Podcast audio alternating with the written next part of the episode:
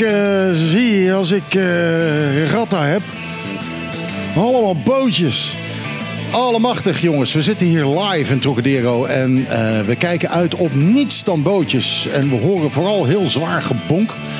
Dat waarschijnlijk als een achtergrondgeluidje gaat gelden voor de komende twee uur op de klippen. We zijn een beetje vroeger begonnen. Ja, uh, we zijn nog nooit zo vroeg begonnen. Peter Kroon is een beetje, een beetje laat. Uh, of nee, een, be een, beetje, vroeg. een beetje vroeger gestopt. Ja, ja, ja. ja, ja, ja, ja. Hey, is het. Dus, nou, er was wat eerder nieuws. Ehm, het is eigenlijk nog niet eens twee uur. Nee, onze tafelgast is er nog niet. Want onze tafelgast is er nog niet. Uh, gewoonlijk beginnen we een paar minuten na twaalf. Minstens acht minuten na twaalf. Ja, ja. Dus, dus, uh, maar ja, goed. Nou, wij, wij, gaan niet klagen. Dat, ik heb goede muziek, geen probleem. Ik, ik draai wel wat leuke dingen hoor. verder gaan we natuurlijk een heleboel bespreken. er is een boel gebeurd in politiek land. boel, ja, boel verrassend spul is er wel begonnen in gebeurd. Sorry, in politiek land. Het staat hier nou ja, goed, dat staat dan in mijn tekst hier. Um, gaan we zo meteen allemaal bespreken. Ik, uh, ik ga er nog niks over zeggen. We hebben ook gasten.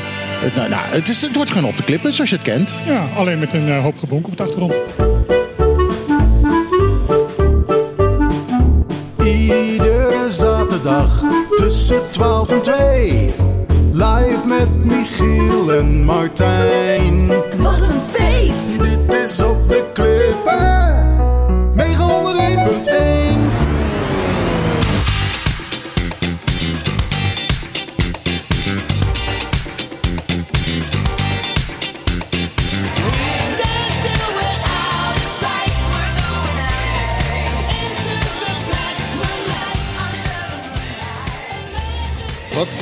Ja, we zijn, uh, we zijn er al bijna uit hoor.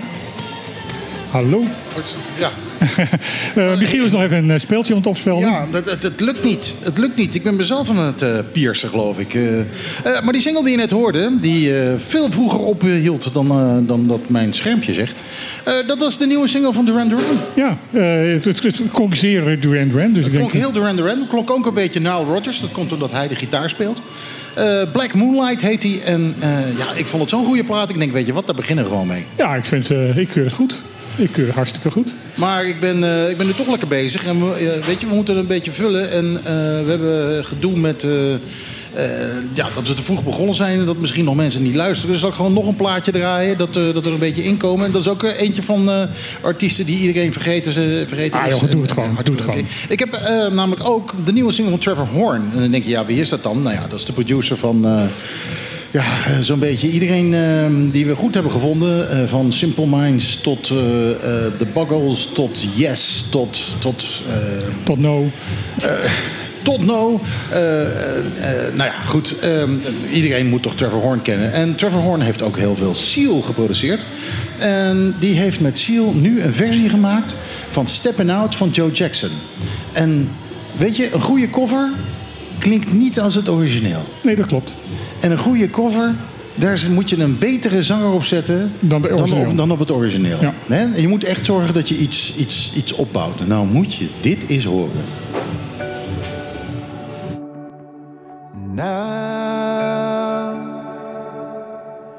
Mist across the window hides the light we'll find.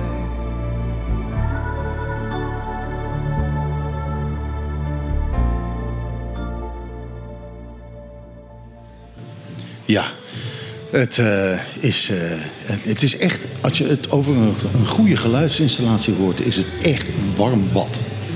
Het is echt uh, een prachtig, prachtig nummer. Ik, het, is, ja, het is muziek gemaakt door oude mensen, voor oude mensen, echte muzikanten. en het is, ik, ik, ja. Met andere woorden, oude mensen zijn echte muzikanten? Nou, nee, nee dat, dat, dat, misschien niet zo. Maar als ik de top 40 kijk, alles is geprogrammeerd. dat is, ik, ik, vind, ik vind het echt, echt prachtig. Al, ja, ja, dan vind ik alles wat Trevor Horn doet, vind ik, vind ik echt ongelooflijk. Maar het is zo goed afgemixt over de allerbeste apparatuur die er is. Door een van de beste uh, ja, producers mm -hmm. uh, die er uh, op de wereld bestaat. Dus ja, dan krijg je zoiets. En dan ja, Seal erbij. Man, man, man. Echt. Kan weinig missen. Echt, als ik het niet al zo warm had, dan zou ik het nu wel warm hebben. Ondertussen binnengelopen is eh, Judith. Hi Judith. Hi Michiel. Hi Matthijs. Ja, ik ben er. Ja, en je hebt je stem weer een beetje terug. Ik heb mijn stem een klein beetje terug. Want Ja, het was was de eh, van de week echt, eh, echt niet leuk.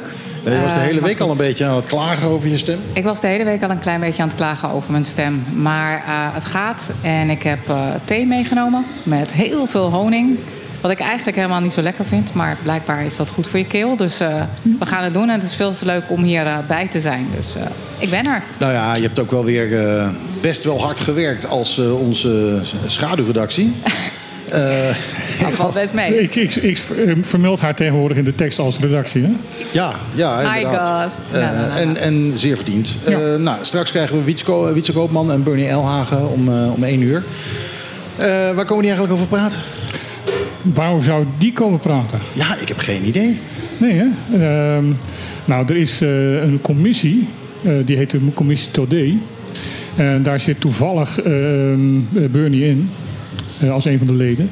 En die hebben iets geschreven over een sociaal minimum of zo. Oh, ja, ja, ja. Is daar wat uitgekomen? Ja, ehm, zelfs eh, iemand als René Zwart van de, de- de- de website eh Koninkrijksrelaties... die geeft nu in zijn eh, column van deze week... waar hij meestal eh, behoorlijk hard naar iedereen en alles uithaalt... Die heb ik nog niet gelezen trouwens. Die geeft nu de commissie Todé een dikke pluim en een dikke compliment... van dat, ze eindelijk, dat zij dus kans hebben gezien om de Tweede Kamer wakker te schudden. Ja, dat is, eh, dat is heel wat. Eh, maar goed, daar gaan we het dus zo meteen over hebben. Want eh, ja, dan hebben we Bernie en Wietse hebben we in de house. En die zullen allebei heel erg blij zijn met eh, wat er... eh, Nou, Op wie ze tafel kennende ligt. zal die behoorlijk nog eh, de, eh, Nou. de twijfel hebben van... jongens, eh, eerst zeg is één, doen is twee. ja, precies. En dat ben ik helemaal met hem eens Ja, dat hebben we allemaal, denk ik wel. Dat, Toch? eh, dat- Ja, van eerst absoluut. zien en dan geloven. Absoluut. Al, Eerst, al eh, 13 jaar zijn we genegeerd. Nou ja, dat, dat, dat eh, maakt dat- dat je niet zo snel meer vertrouwt. Dus eh, ja, laat ze eerst maar een keer over de brug komen. In ieder geval, de Tweede Kamer staat zeer breed erachter... dat er dus in 2024, helaas niet op 1 januari... maar dan op 1 juli, juni... eh, er een eh, sociaal minimum moet zijn... wat eh, eh, overeenkomt met datgene wat de commissie Todé heeft voorgesteld. Nou ja, dat zou wel heel mooi zijn als dat zou Ja. gebeuren. En dat daar wat heel opvallend is, is dat de, een van de grootste regering, of de grootste regeringspartij, de eh, VVD, eh, niet meestemt in deze, eh, deze motie. Eh, wel alle andere drie de, de, de, de regeringspartijen, maar deze VVD doet niet mee hierin. Maar die, die stemt niet mee, Die stemt, die, die stemt eh, onthoudt zich van stem. je- Of, Of die hebben alle- tegengestemd. Nou, ze moeten, er moet nog gestemd worden. Alleen ehm, zo'n motie wordt ingediend bij, tijdens, zo'n, eh, de- tijdens het debat. En dan komt er gegeven een stemronde. En die is meestal twee weken later.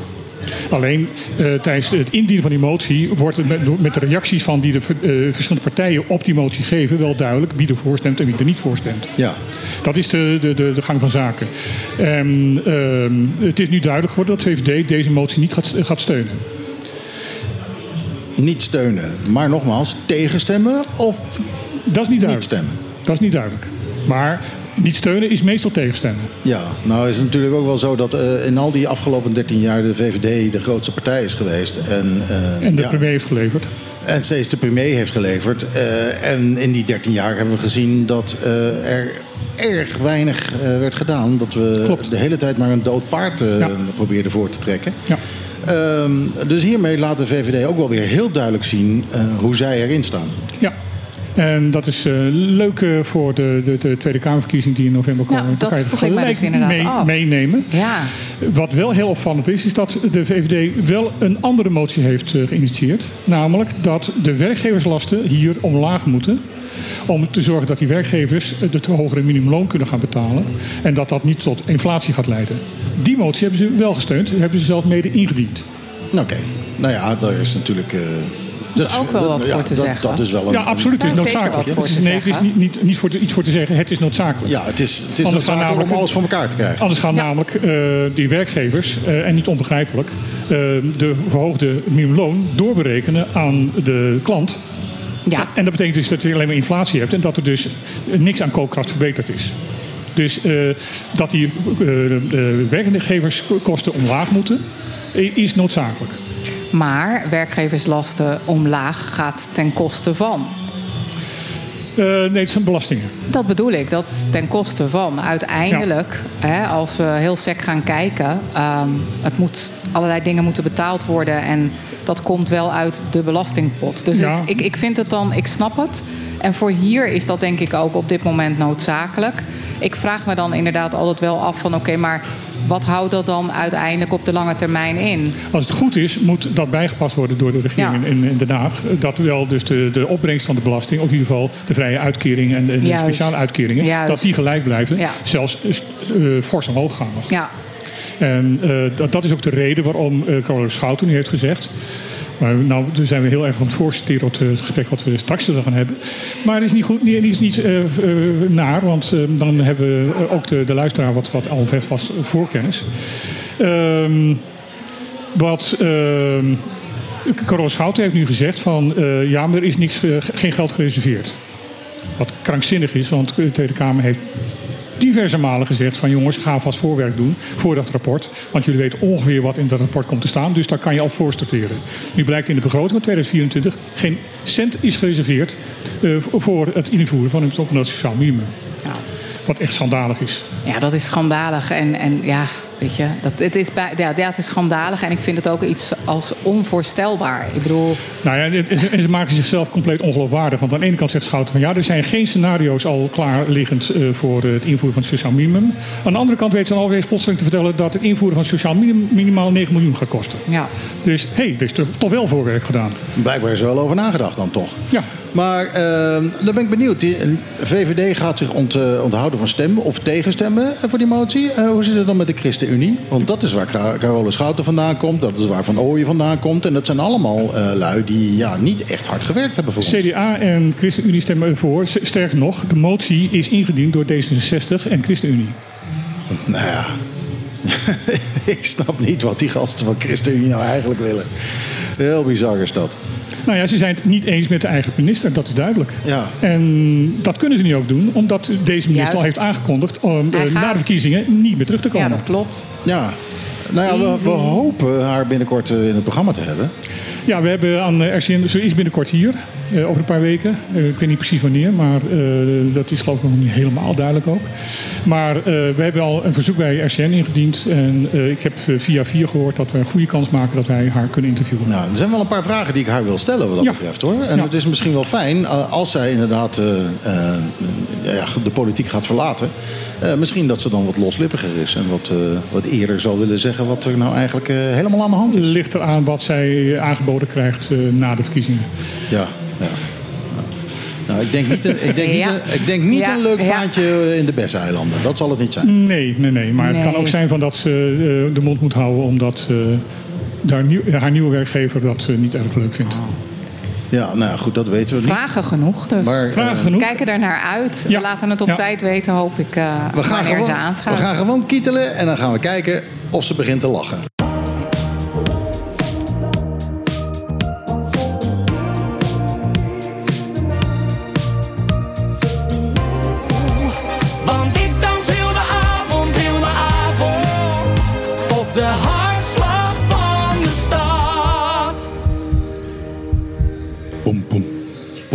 Tino Martin en Mart Hoogkamer.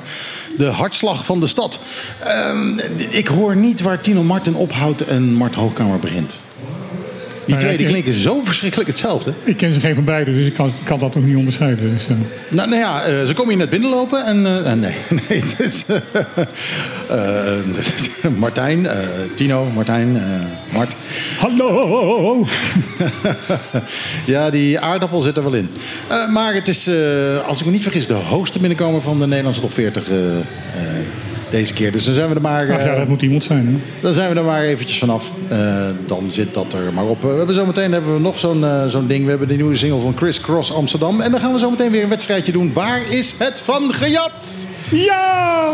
Dus, nou, dat, dan weet je dat dat komt zometeen.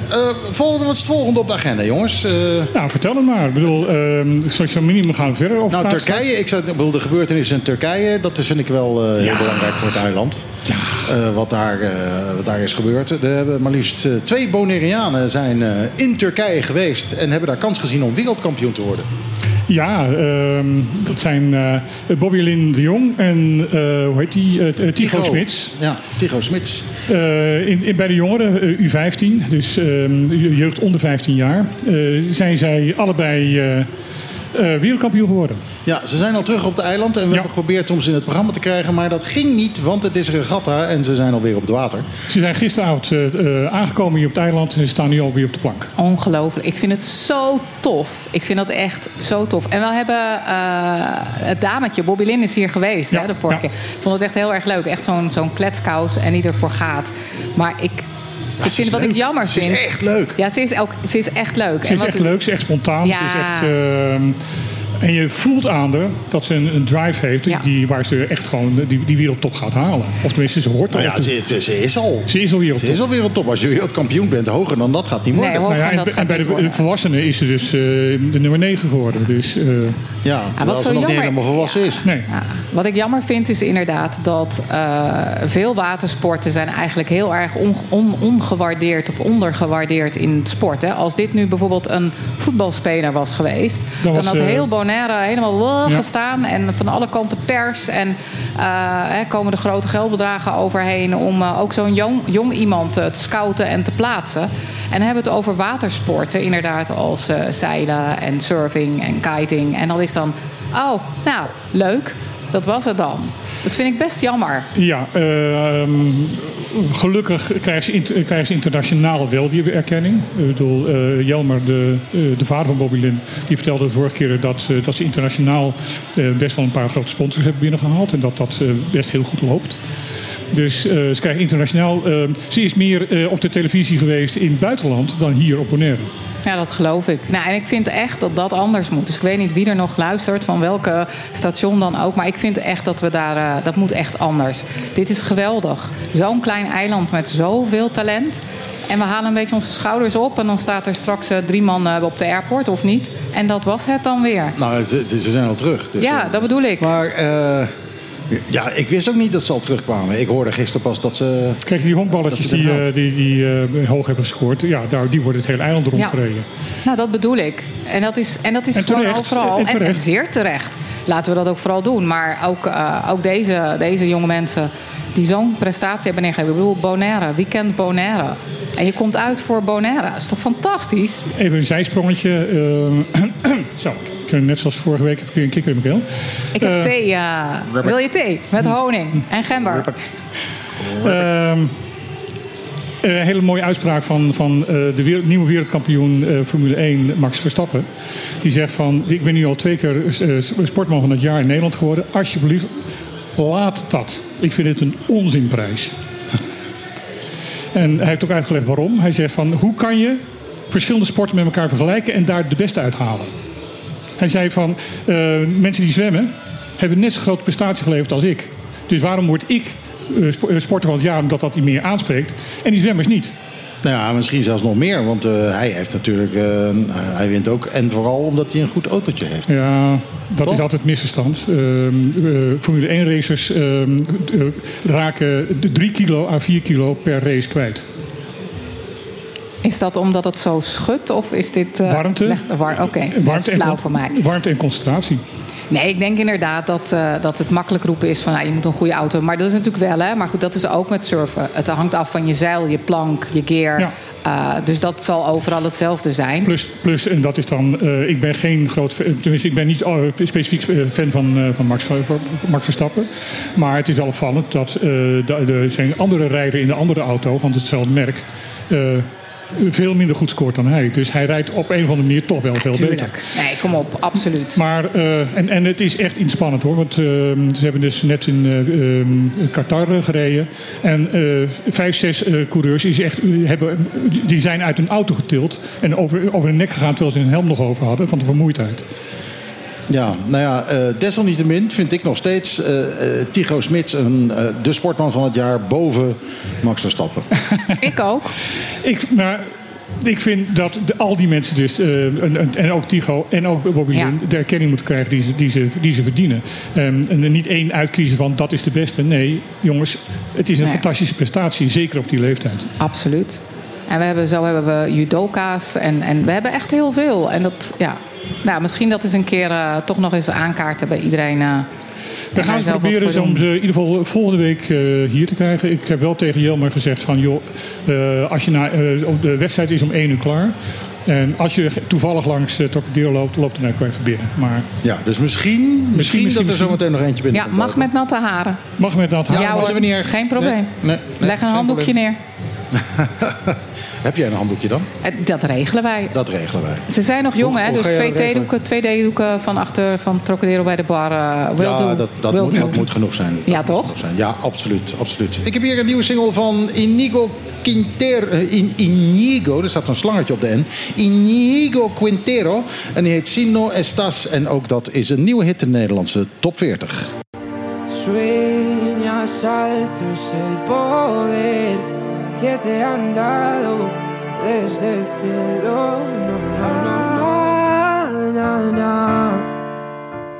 Quiero verte, verte, verte, que se acabe ya. Inigo Quintero, eh Sino Estas. En het is wel grappig, omdat het een langzaam eh Spaans nummer is. Meestal zijn het eh, lekker swingende dingetjes die dan de Nederlandse Ik vond het 40 halen. helemaal niks. Eh, ik, eh, al, leg, Sorry. al leg je er een kilo zout op. Ik krijg er ook Nee. geen dorst van. Maar ja, ik, weet je, Nee. ik draai het toch, want het, is, eh, het staat in de top 40. Ja, nee, oké. Eh, nieuw en dat doe ik elke week. En ehm, ja, eh, er zijn blijkbaar mensen die het mooi vinden. Anders stond het Ja, niet in anders de top stond het 40. daar niet in. Nee, absoluut. ja, goed, daar heb ik wel meer betwijfels over. Maar goed, Ook dat. Nou, laat maar zitten. Zal eens een keer de tekst gaan lezen. Misschien is de tekst wel eh, ontzettend eh integer. aanspreekbaar. Ja, I don't know. Integer. Ja, oké. Nou ja, we hebben, heel, eh, we hebben veel eh, eh, politiek eh, en dergelijke. Maar ik, ik blijf er een beetje op zitten voor het gesprek zometeen. Eh iets anders uit de lijst vind ik. eh, Ja, ik staat moet, ik, hier- moet, ik moet die toch even melden. Oh, wat? Bonaire in- eh, eh, is een rustig en aut- authentiek eiland. Nou, als je Daar moesten wij erg hard om lachen net. eh. want wij zaten hier en eh, we hoorden die, bunk, die beukende bas. Hoorden Ja, we, vandaag we zien al even, die vandaag boten, we even zien al niet. die mensen. En dan denk ik van, nou, ik weet het niet hoor. Dit is niet... eh, Nee, het is een uitspraak van eh, de mensen van eh, de TCB, van de Tourism Corporation Bonaire, eh, in de Reisbiz magazine. Eh, om, eh, ja, een poging om eh, Bonaire te verkopen. En dan eh, wordt dan dat een rustiek en, eh, rustig en authentiek eiland. Nou ja, kijk, als je kijkt naar een eiland als een Ibiza of een Mallorca of noem het maar op, dan zijn wij inderdaad nog steeds rustig Absoluut. en vrij Ja. authentiek. Nou, en dat is wel. Ik weet het niet. Dat authentieke, dat is er eh, in die twintig jaar dat ik hier woon echt wel een beetje vanaf gegaan. Ik denk dat, ja, tuurlijk is dat er van afgegaan. Maar ik kan me wel voorstellen dat voor een toerist het nog steeds aanvoelt als zijnde eh, redelijk authentiek. Ook al is dat zo fake als ik weet niet wat. Amsterdam, eh, Volendam loopt met klederdracht. En heel veel mensen denken of vinden dat op een gegeven moment dan toch nog spannend en authentiek. Terwijl we met z'n allen weten dat het natuurlijk ook een soort van eh, groot theater is. Voor onszelf is het denk ik zeker niet meer rustig en verre van authentiek. Ehm, maar ik kan me wel voorstellen dat het voor een toerist nog steeds interessant genoeg is. En Nou, ook dat gevoel wel ervaart. Eh, het is hetzelfde wat eh, tijdens een van onze opnames eh, toen we met vakantie waren, Roxane van, van Sinapa zei. Van, al 400 jaar geleden is de, het, het afbraak van het koraalrif al begonnen. We weten eigenlijk niet hoe het is. Dus als je hier voor het eerst komt en je weet niet beter, dan zal het inderdaad een zeer rustig en, en authentiek eiland zijn. Ja, nee, dat denk ik wel. Ik denk wel dat we met z'n allen heel alert moeten zijn. Ehm. En heel erg goed moeten bewaken van... oké, waar staan we nu en wat gaan we behouden? En niet alleen wat gaan we behouden... maar misschien wat gaan we weer in ere herstellen of herstellen. Ja, maar we Daar mag zien- wel aandacht voor We zien zijn. dat de overheid daar helemaal niet mee bezig is. Ik vind, nou ja, ik merk, laat ik het zo zeggen, ik merk er niet veel van. En dan denk ik nu wel, terwijl ik dit zeg in één adem, denk ik wel bijvoorbeeld Plantage Fontijn. Eh, Vind ik een hele goede actie. En dat vind ik wel een hele goede actie. En los van waar dat geld vandaan komt en bla bla bla. eh, en had dat niet eerder gekund? Ja, dat had allemaal, maar oké. Dat vind ik dan wel. Maar dan wel weer van oké, wat ga je daarmee doen? Ehm, wie zet je daarop om dat te onderhouden? Mhm. Wordt dat niet weer een dead lost baby? Van nou, we hebben het en dan laten we dat gewoon maar weer. Ik heb begrepen hè, dat Sinapa het gaat beheren. Nou ja, dat zou, als dat inderdaad zo is, dan zou dat best, eh, best prima zijn. En ik denk dat er dan ook wel toekomstmuziek in zit. Maar dat vind ik vaak. Er gebeurt hier iets en dan hebben we het of we schilderen het. En dan is dat weer zo. En dan over tien jaar worden we weer wakker, omdat andere partijen in één keer gaan roepen ergens iets van of Trouwens- over. En niet zelf. Trouwens, eh, over uh, gesproken. Er was wel eventjes een beetje heibel over een van de week. Staat niet eens op de lijst. Ik bedenk, opeens van shit, dat heb ik niet op de lijst gezet. Uh, Sinaap had opeens op de, de website staan dat op heel veel plekken niet meer gefoild en niet meer ge- ge- gesurfd mocht worden. Onder andere onder, bij, in heel, ongeveer heel Lakbaai. Ehm, daarop, ehm, volgens de, de, de toeristenbranche, ehm, regende het eh, af, ja, eh, an- heet het? Annu- annuleringen heet dat. Juist. Vanuit, eh, uit, uit de toeristenindustrie. Men zegt dat dat wel een, een schadepost van, van over de 10.000 dollar heeft opgeleverd. Kranen heeft nu ondertussen gezegd van nee, dat is gewoon niet aan de hand. Er is geen verbod, nergens niet. Niet op Klakbaai, niet bij Klein Bonaire en niet waar dan ook rondom Bonaire. En ehm Stinapa heeft dus nu weer de tekst op de website aangepast met de mededeling van dat eh, een verbod misschien in de toekomst ingesteld zal gaan worden. Op basis waarvan? Wat, wat, wat Nou is ja, de reden? ehm, Stinapa is al lang ontevreden over de manier waarop daar de natuur eh, eigenlijk ondergeschikt gemaakt wordt aan, ehm, aan de toerisme. Ehm, ze proberen daar zeegras te laten groeien, wat heel erg belangrijk is. En dat wordt constant verstoord, omdat er mensen doorheen varen, doorheen lopen, erin gaan zitten, weet ik veel wat. Nou, de- ik, ik, ik, ik heb daar wel eens een keer moeten zoeken voor, eh, met mijn metaaldetector. Het is eh, vrij diep als je daar met je bootje overheen gaat, dat zeegras. Ehm, ik moet eerlijk zeggen, dat, eh, het ziet er prachtig uit. en, en er zit ook echt leven in. Ja. Maar ehm, eh, het lijkt me niet dat de bootjes die daar overheen gaan... eh, echt verstorend zijn voor het zeegras. Ehm, Ik heb daar geen exper- expertise over. Ik durf daar geen uitspraak over te doen. Kijk, je, je, hebt een, eh, als, je- kunt het heel duidelijk zien op Google Earth. Dan zie je- kun je duidelijk zien wat het, wat het ondiepe gedeelte is en het diepe gedeelte is. Ik denk dat het ondiepe gedeelte, daar moet je misschien wat meer eh, gaan handhaven. Eh, ik, ik heb daar toevallig, wat is het, twee, drie weken geleden eh, was ik daar. Toen was ik ook een cruiseschip. Nou, die mensen die lopen allemaal dat ondiepe in, ver voorbij die boot. En die komen Ja. gewoon terug met zelfs levende konkschelpen. Ja. En als je een Zuid-Amerikaan hebt, die die hebben zoiets van, nou dat kan gewoon, dat neem ik gewoon mee en dat stop ik in mijn tas. En er is niemand die, eh, die ze controleert als ze terugkomen. Die komen gewoon met een tas met een, met een nou, tegen de tijd dat je, dat je terug bij de boot bent, is eh, die slak wel dood. Maar eh, ja, die komen daarmee terug. En Ja. die hebben dan in hun hoofd nou een leuke mooie schelp gescoord. Maar eh, we hebben bij de laatste telling waar, waar ik me bewust van ben, waren er nog maar 19 levende konkschelpen in heel eh Lakbaai. Dus ehm, daar moet echt Ja, beter ja, ja. worden Ja. gehandhaafd. Ja.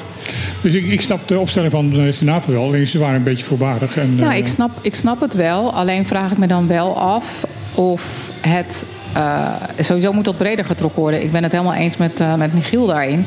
En ik denk dat als ik eh, kijk naar de windsurfers en de foilers, eh, vooral bij LAK. Ja. Wat mij opvalt is dat ze, als dat wel eens gebeurt, hè, dat ze net het bochtje niet halen. of toch een beetje over een gebiedje. Dat, elk, dat vooral, en dat vind ik heel leuk. vooral ook mensen van Bonaire zelf. Mensen worden daar wel op aangesproken door Ja. andere mensen op de kant. En dat vind ik heel erg leuk. Dat heb ik nu een paar keer ontdekt. Van hé, hey, weet je, dat mag niet. En wat doe je? Dus ik, ja, natuurlijk, sowieso handhaving. Ehm, mensen informeren en misschien ook nog strakker naar de mensen die op, dit, op dat moment watersport daar doen. Maar vooral denk ik de toeristen. Die ook inderdaad gewoon echt Ja. eh, door dat zeegras waden. Terwijl ik denk, er staan bordjes, er hangen touwtjes. eh, Duidelijk, minder duidelijk, maar dan nog. Dan, dat snap ik dan werkelijk Nou ja, echt het meest Dat heb ik meegemaakt eh, bij de, de Camino, Caminda Sorbo- Sorbonne. Aha. Eh, op een plek waar dus heel veel, ja, langs het water allemaal heel veel flamingo's staan. Er liggen allemaal gele stenen van Ja. verboden toegang. Eh, een Amerikaan die ging zelfs zo ver dat hij zo'n steen oppakte en eh, wil dat, dat als souvenir mee naar huis wilde Ja. nemen. Ja. ja, of er toch Ja, doorrijden en dan bizar. zie je zo'n auto staan. Dat hebben we laatst gehad, dat was vorig jaar. En dan zwaai je zo van help mij, help mij. En dan denk ik werkelijk, hoezo help mij, help mij? Wie, welke idioot gaat met zijn auto... maar. Hallo, ja, nou, inderdaad, ja, verzin maar. Nee, toen hebben we wel Nee, ik, ver- trouwens... ik zei wat anders. Ver- verzuip maar. Ja, nou, nou, nou. We hebben wel gebeld met de touwservice en de situatie uitgelegd. En daar werd natuurlijk letterlijk gezegd van... oké, nou, laten we hem toch nog maar even een uurtje staan. Ik heb het druk en dan komen we hem halen, letterlijk. Ja. Ehm, en toen dacht ik, ja, sorry, nee, nee, nee, nee, nee. Heel Ja, kinderachtig. ja. Maar dat je dat doet, come on. Nou ja, wij moeten, en dat heb ik wel eens vaker eh, bij mezelf gedacht, wij moeten uitkijken dat wij niet ten onder gaan aan ons ei- eigen succes. En dat is echt, denk ik, wel heel erg eh, aan, aan- aan de orde hier op het eiland. Ja. Maar goed, dan denk ik ook, het is ook taak voor ook een toeristbureau om te zeggen van hé, hey, we zijn niet blij met zo'n mededeling van Stinapa. Maar anderzijds, we gaan wel de toeristen nog beter informeren. Van Mhm. harte welkom, maar. En dan even de spelregels uitleggen. ik niet zo moeilijk toch? Dat, informeren vind ik inderdaad heel erg belangrijk. Ehm, en, maar je moet niet vergeten, een heleboel mensen hebben zoiets van... ach kom, dat gezanik, dat gezanik, dat gezeik. Eh, als je, wat Martijn net vertelt, over, ehm, over die flamingo's die daar staan. Mensen zien flamingo's en die negeren die stenen compleet... en die gaan gewoon er naartoe lopen. Ja. Dat doen ze gewoon. Ja. Ja, dat klopt. Ze, ze hebben dat echt wel gezien hoor. Maar ze hebben gezegd, ach, ik wil even een paar mooie foto's dat, dat geldt niet voor mij. nou, nou ja, dat geldt wel voor mij, maar kom op. eh, hè, regels zijn er om gebroken te worden. eh, En ik loop gewoon wat dichter naar die flamingo's om daar een leuke foto van te maken. Nou, ik- Nou ja, ik- ik je ben- foto is verpest om twee redenen. Ten eerste, die flamingo's die lopen, die lopen weg bij je. Ja. Dus je maakt alleen maar een foto van een flamingo-kont. Eh, eh, en ten tweede, je komt er niet dichterbij. Want zodra, je, zodra ze je naar, naar, je naar zich toe zien lopen, Dan lopen zij gewoon weg. Dus je, de afstand maak je er ook niet kleiner mee. Het is, eh, het is verschrikkelijk. Het is, eh, ik, ik, ik kan me er kapot aan ergeren, dat soort. Nou ja, ik, ik, ik, eh, het is, de Caminda Sorbonne is, is een weg die ik vier jaar lang eh, minstens twee keer per dag reed. Omdat ik bij, Sor- bij Sorbonne, tenminste bij, naast de woonde. Ehm, ik ben een keer uitgestapt. En gezegd van jongens, je mag hier langs. Ah, dat is onzin. we- zijn voorzichtig. En toen heb ik... Dat, stond, dat bordje stond er nog, toen nog. Eh, op het bordje daar, wat daar staat, drijfzand gewezen. Ja. Oh, Ja. ja, hoe voorzichtig ben je? Maar dat, ja, maar dat, dat is inderdaad irritant. Dus ik, eh, en ik vind het signaal wat eh Stinapa af wil geven prima.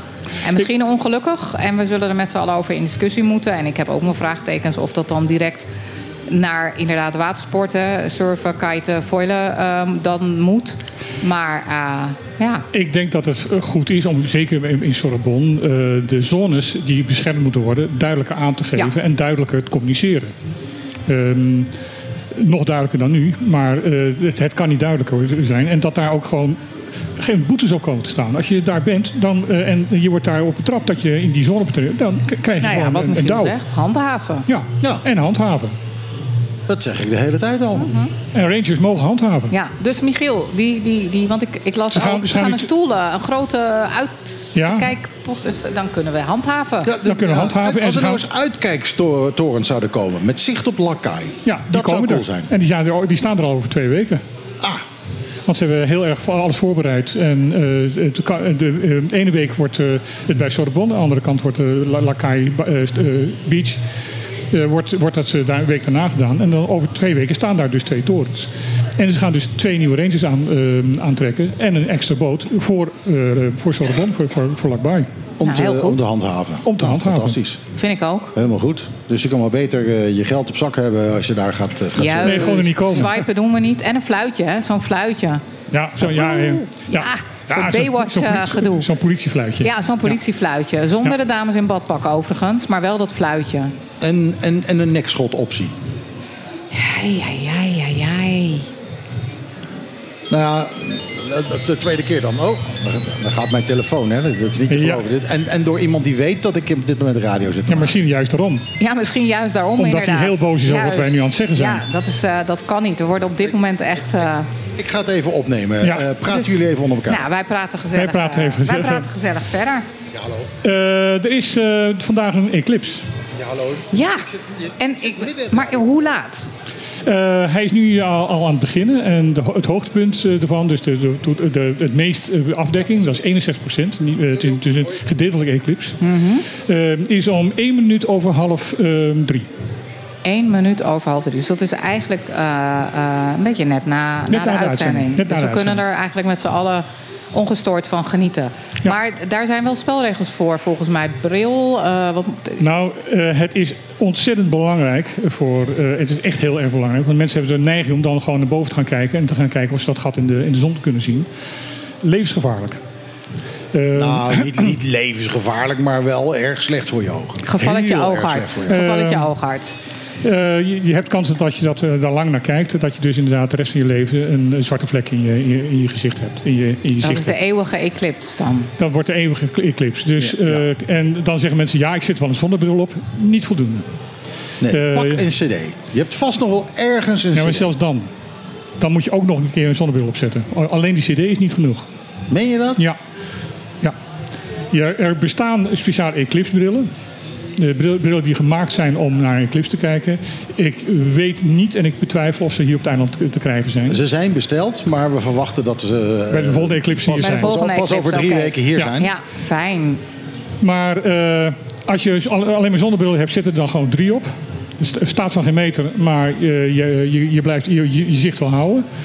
Eh, en eh, als je dat niet wil, eh, neem, een, eh, neem een cd die niet beschadigd is.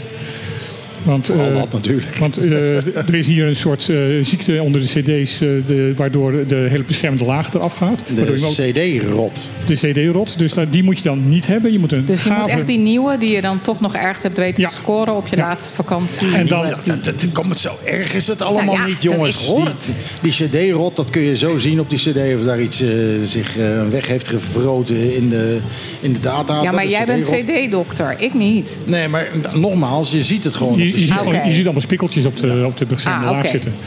Maar eh, wat ook kan, als je eh, echt geen risico wil nemen, is een stukje karton of eh, papier nemen, daar een klein gaatje in prikken. Mhm. Dan een ander wit vel erachter houden. Dan heb je een, zogenaamde eh, camera obscura. En dan kan je dus, doordat je een heel klein gaatje hebt, kan je dus de zon op dat witte vel wat erachter hou- houdt, kan je dus projecteren. En dan kan je daar dus de, de, de, de zon zien. Wat ingewikkeld. ik, zit, ik, ik, zit echt, ik merk aan mezelf dat ik probeer dit te volgen. En ik, ik ben een beetje afgehaakt. Maar wat ik me dan wel nu bedenk, Martijn. ehm, we hebben Bootfest, daar kijken we naar. Er Ja. zitten ik weet niet hoeveel mensen op bootjes. Die Ja. hebben waarschijnlijk ook allemaal zoiets door van... hé, hey, daar gebeurt wat. Ehm, en met al deze wijze raad, maar vraag ik mij toch af... hoeveel mensen op de boot daar nu die zesdubbele zonnebril... de cd, het karton, het witte vel enzovoort bij zich hebben. Daar heb je een, goede, heb je een goed punt. Dus eh, eigenlijk zou onze uitzending dus nu hier gewoon eh, op de boxen gezet moeten worden, zodat we het even kunnen aankondigen. Ach, jongens, kom op. Eh, wat, wat, wat mis je nou helemaal als je er niet naar kijkt? Dat is Ik denk dat heel veel dat mensen het niet eens doorhebben, Dat is een omdat- schijfje waar een ander schijfje half overheen ligt. That's it. En het Nee, komt ik, ik zeg al, genoeg voor. ik zeg al dat heel veel mensen dat niet eens doorhebben. Ja, dat, omdat, wordt omdat, het hier echt donkerder? Of, of- Nee, het, wordt, het, het licht wordt wat grijzer, Oké, wat minder intens. oké. Maar eh 61% betekent dus dat- het niet echt do- donker wordt. Want Nee, en dan na zoveel rum en bier en is het toch al een beetje wazig. Toch? Vanmiddag half drie zeg jij, even voor half drie. Even na je half. Ja, die gasten die zitten al van een uur of tien op water waar we nu naar kijken. Dus dat, is, eh, dat maakt dan niet meer uit. Nee hoor, ik bedoel, Of de le- een lege rumfles. Zo'n bruinige rumfles. Kan je daar ook doorheen kijken? Is dat eh, wat? het moet echt, echt heel zwaar Maar dan zijn. moet je hem eerst leeg drinken, snel Ja, die even. is wel Dat- op hoor nu. Daarom. Hallo. Jongens, wat een nonsens allemaal. Ik, eh, ik ga een plaatje draaien weer. Ik heb nu, dit is, dit is leuk. Dit is Criss Cross Amsterdam eh, met Sera en eh, een of andere Connor. God knows wat is de, ik kan het net niet zien, dus het schermpje is te klein. Eh, eh, oh, Connor Maynard is dat. En de nieuwe single heet Stay, tussen haakjes Never Leave. En dat is eigenlijk al een klein beetje een, eh, een, een, hint naar wat ze gejat hebben deze keer. Ik, eh, we gaan hem draaien en dan gaan we even kijken of jullie een beetje een idee hebben van waar dit van gejat is. Goed luisteren. En dat heb ik niet alleen tegen mijn medepresentatoren, maar ook aan jou, luisteraar.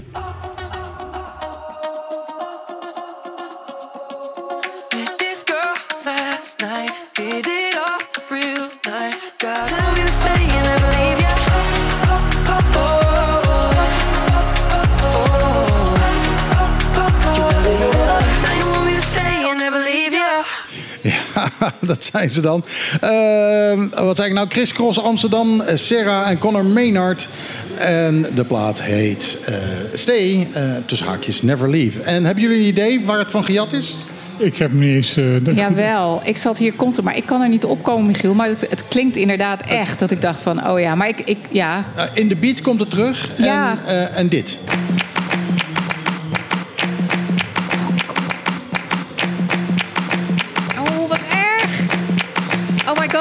Zo'n pub quiz quiz ding.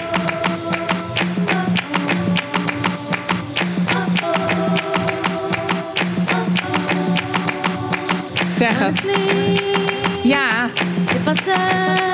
Dat is Loomy Day met Never Leave You. En eh, ja, dit- hier is het van gejat. Maar het leuke is dat... Uh-oh, Juist. uh-oh, hebben ze veranderd in... Uh, uh, uh-oh, uh, Creatief. uh, uh-oh. En dan is het een nieuwe melodie. En dan, ja, dan kan je eigen naam eronder zetten. en dan kom je in de top. eh, ja, oké. En zo en dan werkt haal je dat. tot 40. En, maar ook gewoon, gewoon dit beatje. Dat zit er gewoon, dat zit er gewoon onder. Maar dat hoorde ik. En toen dacht ik, oké, oké, oké, hoe dan, hoe dan? Maar daar kwam ik dan weer niet op. Dus ik ben heel blij dat jij me geholpen hebt. En waarschijnlijk alle luisteraars ook geholpen hebben. Want die hebben waarschijnlijk net als ik gezeten van... Hoe dan? Ik ken het, maar... eh. Ja, plaatje uit 2003, 20 jaar oud. Dus een hele generatie. Dus dan kun je een nieuwe generatie weer helemaal, eh, Oh ja, zo werkt dat. helemaal ja, voorliegen. Zo simpel is het. Ja, maar Bach wordt nog steeds gespeeld, gedraaid, gedaan. Kom op. Ja, in een ander jasje. Ja, maar dat, dat is natuurlijk weer een ander verhaal. Want, eh, Ik vind een, een cover vind ik wat anders dan dit. Ja, dat ben ik wel met je ja, eens. ja, want het, dan, het is dat geen is cover. waar. Hier, hier krijgt, Nee, klopt. hier krijgt de oors- oorspronkelijke eh, auteur helemaal niets Nee. meer voor. Nee, eens. Helemaal niks. En ik vind een cover vind ik eerlijk. Ik bedoel, Ja, dat is eh, je mag een mooi nummer van iemand anders mag je gewoon spelen, mag je gewoon zingen. Ja, ja, als ode aan of Ja, als Of inspiratie. gewoon omdat het gewoon mooie muziek is. Zoals je inderdaad ook Bach en Mozart en Wagner en weet ik wel wat. ze- Nee, Al doe, al doe je het omdat je het zelf een mooi nummer Ja. vindt. Ja. Eh, doe, doe je Oké, een cover. is Dat, waar. dat snap ik. Maar dit, dit is gewoon, deze band doet iedere keer hetzelfde. Ze nemen een, een hit van zo'n 20 jaar geleden.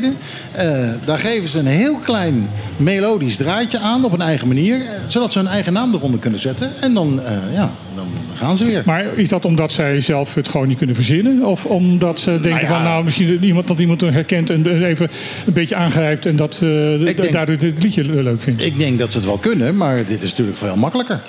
Want eh, je, je werkt met iets wat al bewezen, eh, eh, hè, wat al bewezen populair is. En dan zorg je dat je er net ver genoeg eh, vanaf bent. Maar is dit een soort ehm, eh, appelleren op een collectief geheugen of zo? Ja, dat is precies wat het is. Dat is precies wat het is. Gewoon een, een, iets, iets, iets maken wat mensen eigenlijk wel kennen. Mm platenmaatschappijen vinden dat sowieso prachtig. Van ja, dat, dat is een nummer, dat heeft zich al bewezen. Dus ja, kom maar met een cover. Ja. Dat is al sinds de 90s eh, merken we dat voortdurend. En het is momenteel erger dan ooit. Eh, ik geloof dat, ik la- ik las een artikel twee weken geleden of zo... dat de Engelse hitparade op dat moment bestond voor, voor 50% uit nummers die of covers waren... of ehm, samples gebruikten van, eh, van bekende Nou, hits. goed, de, En- filmindustrie, dus de, de, filmindustrie is niet, niet veel beter.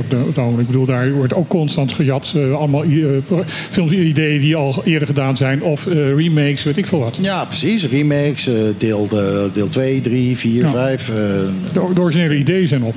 Ja, ja, nou ja, ze zijn niet op. Die, die zijn er echt wel. Alleen eh, mensen durven daar niet zo gauw hun geld in te steken.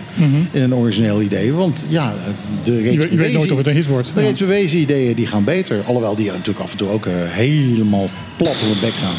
De meeste remakes die ik zie, die heb ik zoiets van... Mijn god jongens, eh, had daar de energie aan iets anders besteed.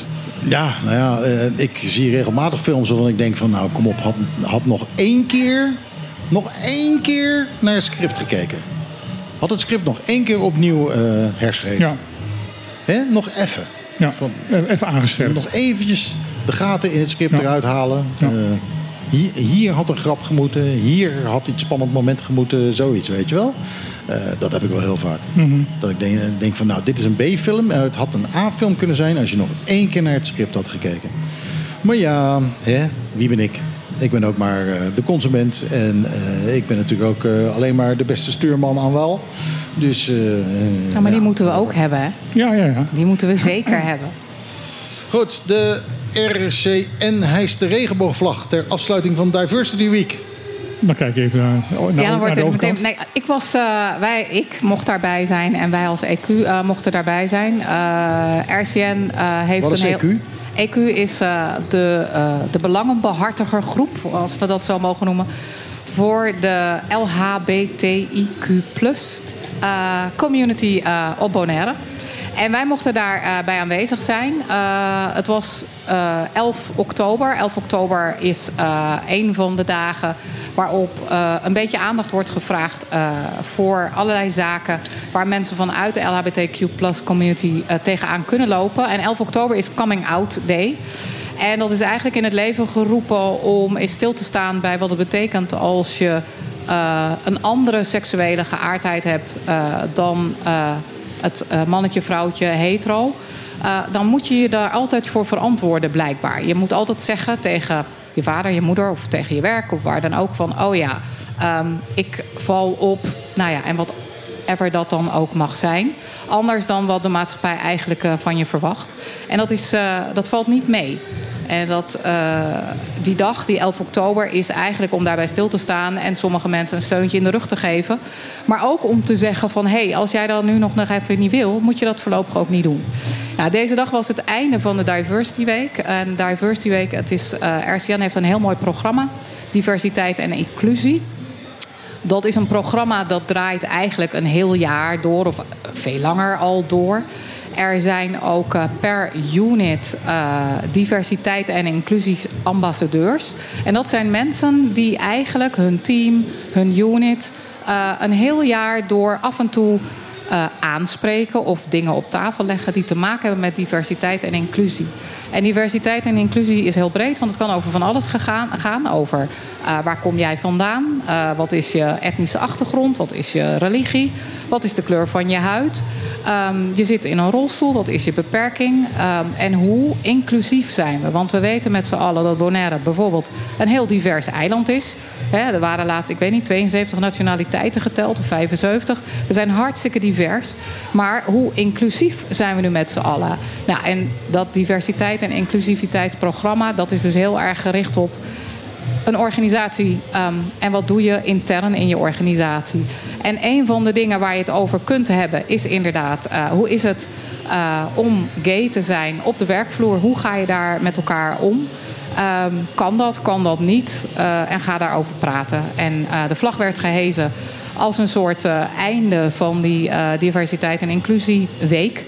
En op de 12e was er nog een borrel georganiseerd voor medewerkers van RCN. En genodigden, in dit geval waren wij de partij die de mensen uit mochten nodigen, wij dan EQ. En het was een heel leuk samen zijn. En ik vond het heel leuk om mensen te zien. ehm, waarvan ik dan ook persoonlijk weet dat die echt wel even een stapje hebben moeten maken. En even over sommige dingen anders hebben moeten gaan denken. En dan denk ik, nou, maar jullie zijn hier wel en we drinken een biertje samen en we kunnen erover praten. En eh, dat is eigenlijk eh, een hele grote stap voorwaarts. Dus mooi programma. En ik hoop dat eh, meer organisaties eens een keer naar binnen durven te kijken. En stil gaan staan met hoe divers. En dat valt echt wel mee op Bonaire. Want ik denk dat we heel wel divers zijn. Maar hoe inclusief. Hoeveel mensen werken er bij een ehm, groot hotel eh, in de schoonmaak vanuit Latijns-Amerikaanse achtergrond. Maar hoeveel zitten er in je management? En hoeveel mensen werken er nou bij de schoonmaak eh, vanuit een Europees Nederland? Of juist niet? En dat heeft alles te maken met inclusie. Je kunt heel divers zijn, maar absoluut niet inclusief. Hoe eh, gaat het met E EQ? Nou, met EQ, eh, wij zijn nog allemaal eh, alive en kicking. En eh, nee, het gaat heel goed. We hadden vorige week hadden we een bingo. wat wederom superleuk was, druk bezocht. En heel erg blij met allerlei prijzen die ons als sponsorship aangeboden zijn. En dat is dus ook al iets, dat betekent heel veel. Een paar jaar geleden konden we nog niet een fles wijn krijgen als sponsorship, want we waren EQ. En nu waren er heel veel partijen die zeiden: ja, leuk, we doen mee. Dus dat was fantastisch. We hebben volgende week weer een filmavond. Ehm, en we zijn echt ook in oktober al aan het vooruitkijken voor toch die volgende Pride. Kijk, heel Kijk, goed. Ja, ja, ja. kijk, kijk, kijk, kijk. We zijn trots op je. Nou ja, op ons allemaal. Nou, hoe zit het? Ik las laatst iets, maar ik, ik weet niet meer waar het was. eh, dat er behoefte was aan medestanders. Misschien niet zozeer eh, mensen die zelf ehm, LHBTQ eh, plus I. eh, Alfabet. al, ja, ja, maar dat vind ik zo, dat vind ik zo flauw. Alfa- alfabet plus. Nee, maar goed. maar ehm, eh, ik, ik miste wel eens een letter, sorry. Maar bij die plus zit natuurlijk iedereen. Dus L, en L plus. Ehm, eh, maar ook mensen die, eh, die dat misschien niet zelf zijn, maar die wel eh, ja, medestanders zijn, zullen we maar zeggen. Ja. Voor, voor die, die inclusiviteit. Ja, want dat is heel erg belangrijk. Kijk, ehm, en dat geldt voor eigenlijk alles. Is het vaak iemand die zichzelf niet identificeert als, ehm, hoe flauw het dan ook is, daar wordt dan naar geluisterd. Of in elk geval naar gekeken van, oh, maar, eh, oh ja, maar jij bent toch helemaal geen homo? Eh, wat doe jij daar dan? Ehm, nou, nee, ik ben misschien geen homo, maar ik vind dat iedereen eh, gelijke rechten, gelijke kansen enzovoort. Iedereen gelijkwaardig. Iedereen gelijkwaardig. Ehm, en dat is heel erg belangrijk. Dus wij zouden heel graag willen dat mensen hier op Bonaire... die niet tot de community behoren... maar wel hardop durven uitspreken van... jongens, hou eens even op. Hè, ehm, wij zijn samen Bonaire. En inderdaad, wij gaan voor die gelijkwaardigheid. En eh, ik sta naast, achter en soms als het moet voor de LHBT plus community. Dat Nou. is voor ons echt heel erg belangrijk. Ik Die denk mensen kunnen het woord doen aan tafel. Ja, maar dat wilde ik zeggen. We zitten hier natuurlijk bij jullie. eh, hè, dan, ik, ik zit bij jullie aan tafel. En als er twee mensen voor, naast, achter, maar ook heel vaak voor EQ gaan staan, dan zijn jullie dat. En dat is zo waardevol. En daar zijn we zo dankbaar en zo blij mee. Ehm, en dat weten jullie en dat blijf ik ook herhalen. En ik blijf vinden dat het eigenlijk erg is dat jij daar dus zo dankbaar voor moet zijn.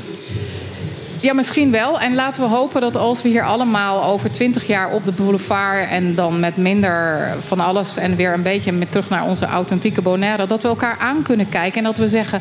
weet je nog? Ja.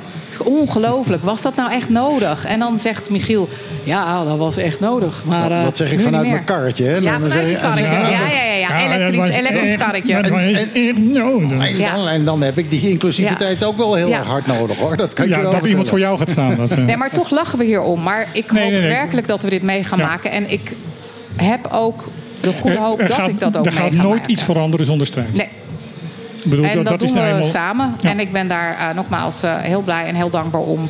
eh, dat jullie eh, daarin eh, ons super ondersteunen. Dus dat was eh, eigenlijk de afsluiting van de Diversiteitsweek. Dat, dat was niet waarom ik het je vroeg hoor. I Ik, heb- ik, maar las, ik las heel verrassend een heel interessant eh, artikel in, eh, verrassend, in het eh, Algemeen Dagblad. Over het algemeen vind ik daar de, de interviews die daar in dat, eh, de- dat dagblad staat niet zo heel erg interessant. Maar dit was interessant. Het was een documentairemaakster eh, met twee moeders en twee vaders. En samengesteld gezin. Ja. Nee, nee, nee, nee, nee. Zij heeft zelf twee moeders. En een van die twee vaders is haar biologische va- vader. juist, En ja. dat is de broer van haar andere moeder. Ja. Ja, maar die andere vader dan? Die is de partner van die vader. Oh, oké. En daarom zei ik eigenlijk samengesteld gezin. Ja, klopt. En zij zegt van... Ik hoop dat er een keer een moment komt dat ik het niet meer hoef uit te leggen. Ja. Ja. En dat was ook zat nog een hele mooie afspraak van... uit de kast komen is leuk, maar Ja. er zou geen kast moeten zijn. Nee, er zou geen kast moeten zijn. En in dit geval ging het er inderdaad over dat een eh, van haar eh, ouders, vader, je is echt een gelezen? voorvechter. Ehm, hè, en benoemt dat ook. Ja, En zij ja. is dus dochter van. En ik kan me voorstellen dat dat voor haar af en toe echt is, eh, niet altijd makkelijk is. Want ja, zij krijgt ongewild eh, het stempel mee dat eh, de maatschappij eh, op dat gezin zet en dus op haar. Dus zij heeft daar ook af en toe echt last van. Nou ja, ze moeten dus ook elke, vanaf Elke keer jong uitleggen, kind eh, ja. moet ze uitleggen hoe dat in elkaar zit. Ja. Zij zegt in de, in, de, in de klas gegeven moment tegen de juf van... ja, ik heb twee moeders en twee vaders. En iedereen in die klas... Huh? Terwijl zij het heel normaal vond. Ja.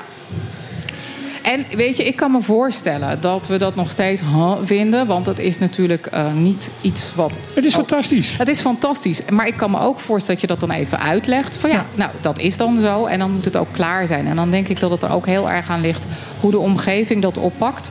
En vooral, wat gebeurt er aan de keukentafel als dat kind in de, uit de klas thuis komt Ja. en zegt: Oh ja, ik heb gehoord dat Pietje Puk heeft twee mama's en twee papa's. Ja. Als dat daar nou aan de keukentafel onder de maaltijd is van: Oh leuk, klaar, next. Ja.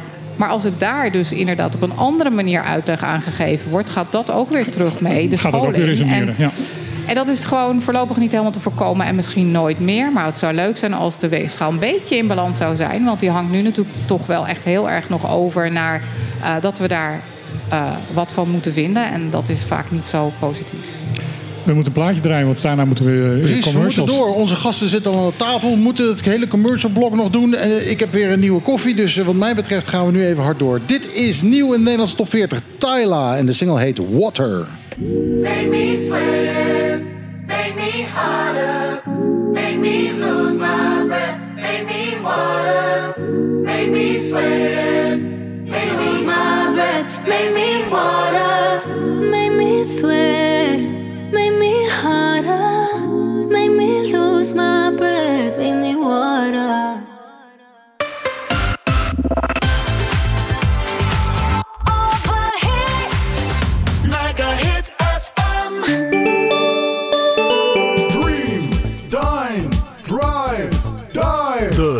Bonaire. Een klein intiem resort met een no-nonsense vibe. Op loopafstand van Centrum Kralendijk aan de Kaya Dialma 11. De ideale uitvalsbasis om Bonaire te verkennen.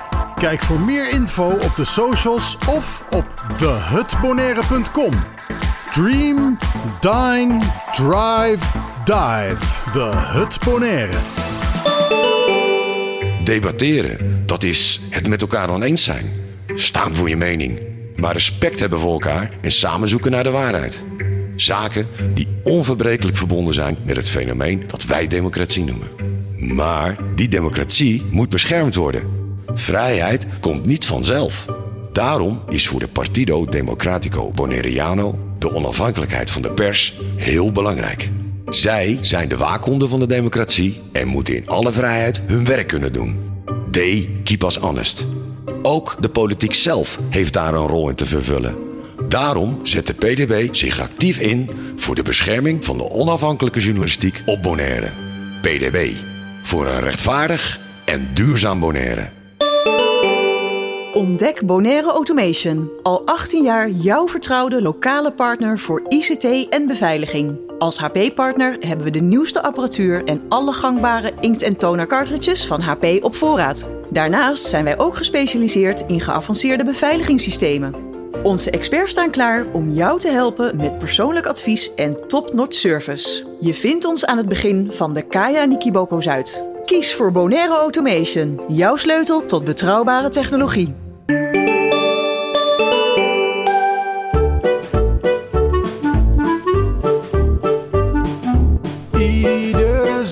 Zaterdag tussen 12 en 2. Live met Michiel en Martijn. Wat een feest! Dit is op de klippen. 901.1. Ja, het is eh, één uur geweest en aan onze tafel zijn aangeschoven niemand minder dan Wietse Koopman en Bernie Elhagen. Ehm, en eh, nou ja, ik werd al uitgelachen in het eerste uur toen ik eh, zei... eh, Bernie Elhagen, Wietse Koopman, wat komen die doen?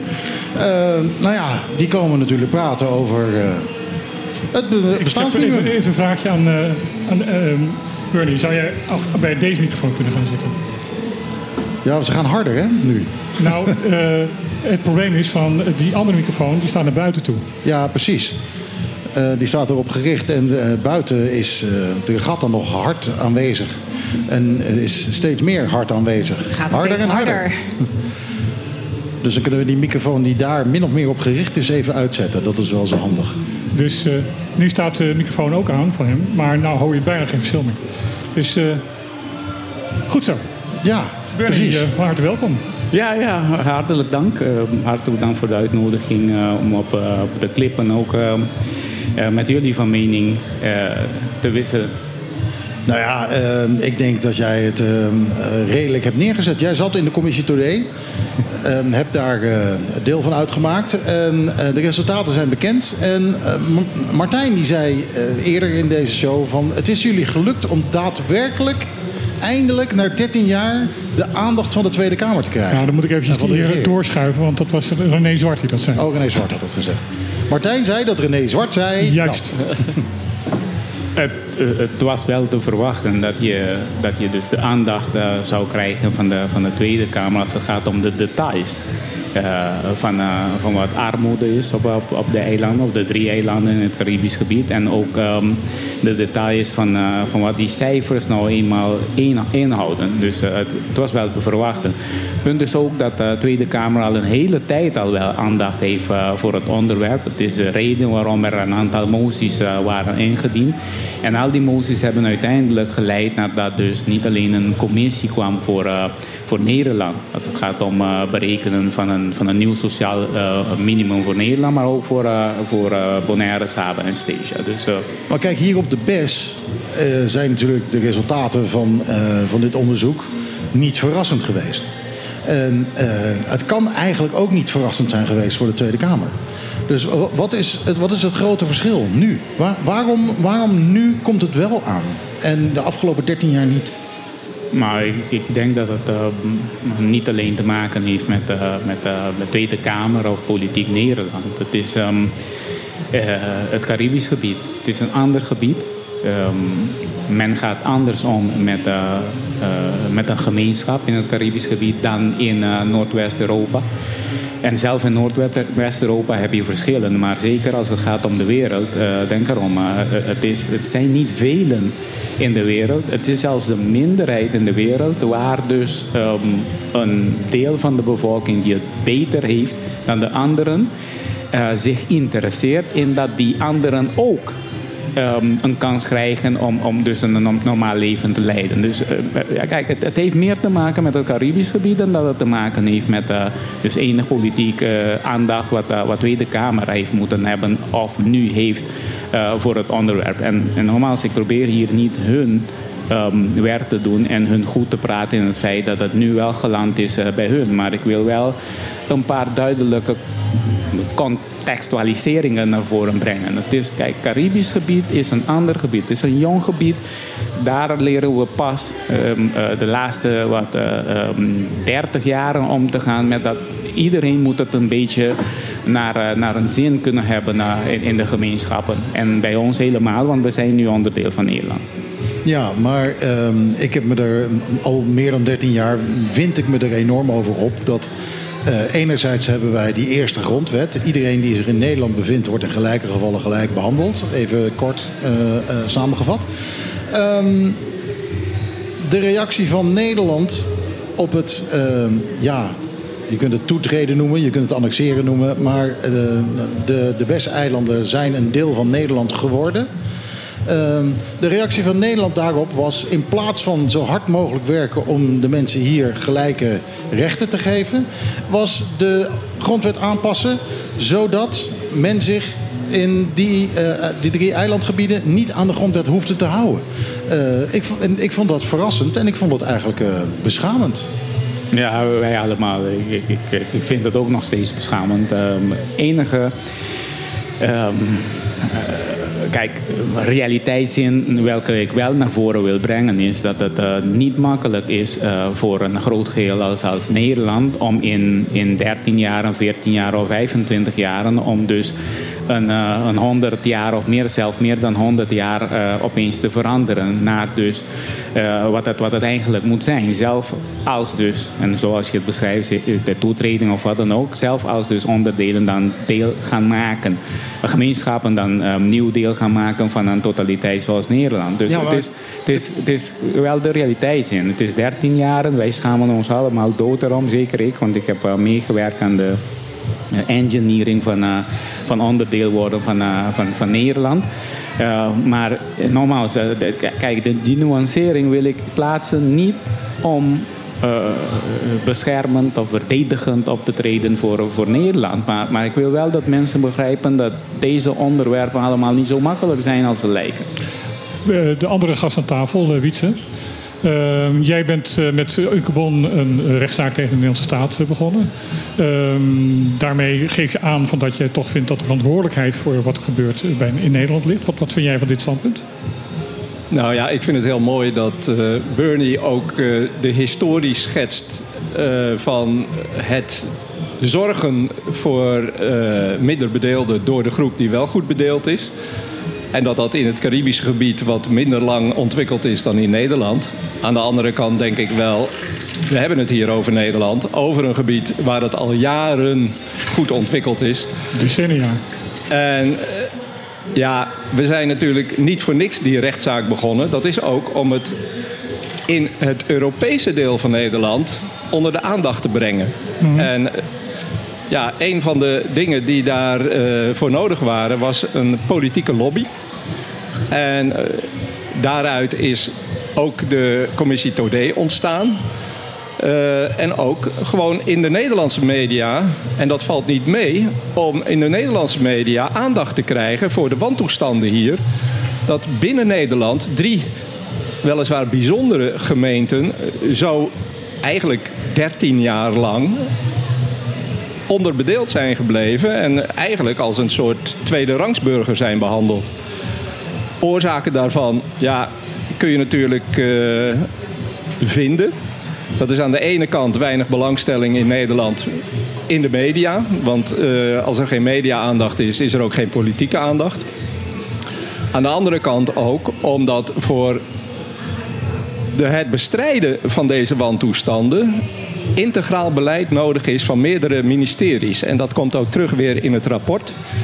Dat daar waar één ministerie verantwoordelijk is voor een beleidsterrein, daar zie je wel mooie verbeteringen en eh, richting het niveau wat je van Nederland kan verwachten. En op het moment dat er meerdere ministeries betrokken zijn bij een beleidsterrein, dan lukt het op een of andere manier niet. Maar ben jij ook met, eh, met eh, wat ik een beetje uit de woorden van Bernie begrijp. U mag gewoon Bernie zeggen, toch? Ja, ja hoor. Eh, ik vraag het altijd netjes. Is van, eh, het heeft ook te maken met dat we, als ik het even vrij vertaal, eh, dat er geen effectieve lobby vanuit de Cariben geweest is om dit te verbeteren. Ja, en als ik de woorden van, eh, van Bernie naar mijn eigen woorden vertaal, en dan moet je maar zeggen of dat zo is, dan denk ik inderdaad dat de, de historie van de Cariben en van de Antillen er ook toe heeft geleid dat hier op de drie eilanden de politiek ook niet zich voldoende bewust was van de mogelijkheden die het bood om een gemeente van Nederland te zijn. En de mogelijkheden die het bood, eh, die dus ook ervoor zouden kunnen zorgen om een uitgebreide lobby in Nederland te beginnen voor dat sociaal minimum. Ik, ik, hoor, ik hoorde een tijd geleden, eh, allebei de heren mogen erop reageren. Ehm, iemand zeggen die zei van ja, eh, de Antillen hebben te weinig door van dat ze eigenwijs mogen zijn. Ja, maar dat, dat, zeker. En, eh, het, is niet, het is niet makkelijk. Eh, het, is, ehm, kijk, het- je hebt een situatie waar je jarenlang eh, onderdeel bent geweest van een, eh, een totaliteit waar eh, geen aandacht was voor rechten. Ja. Maar meer voor, voor overleven, samen zijn. ehm, een paar dingen waar, waar je trots op moest zijn. En gevecht tegenover een, ehm, een in perceptie zijnde eh, ja, boze kolonialist, et cetera. En je gaat over naar een situatie waar je ehm, kan vechten om rechten. En waar je dus eh, volledig, eh, volledig gelijke burger bent, conform een grondwet als dus ook een, eh, een burger in Nederland. Dus ehm, eh, eh, kijk, het, het, is iets nieuws voor iedereen omdat ik ehm, jarenlang gewerkt heb aan een project van ehm, onderdeel worden van Nederland, welke iets meer dan tien jaar heeft geduurd, kan ik meepraten als het gaat om aantal jaren. 13 jaar lijkt heel veel, maar wanneer ik dus naar voren breng van 13 jaar is niet veel. In context van de onderwerpen wil ik echt niet de onderwerpen bagatelliseren. Want ehm, ik, denk zeggen, dat 13 menige jaar- van jullie weten wel hoe hard ik ook eh, blijf vechten eh, voor dus eh, die, die gelijkheid en, en, en, en, en ook die, die, het begrip in Nederland, vooral Europees Nederland, dat zij dus een grondwet hebben en dat de mensen in de grondwet iets anders zijn dan dus de bestuursorganen. Maar ik wil, ik wil er even tegen inbrengen van 13 jaar lang voor politiek is niet zo lang. 13 jaar lang honger is wel lang. eh, niet eens alleen maar 13 jaar eh, lang, maar meer dan 100 jaar honger Ja. is, eh, is, is heel lang. Maar ik, ik, weet je wat mij, wat mij echt schoffeert, is het feit dat, ehm, dat we zien dat er vanuit Nederland gewoon kwade wil is geweest. Vanaf het begin. Omdat je ziet dat, eh, dat er in de, de, grondwet een aparte regel is gezet. Waarbij eh, wordt gezegd dat de grondwet niet altijd hoeft te, re- eh, hoeft te, te, te, hoe noem je dat?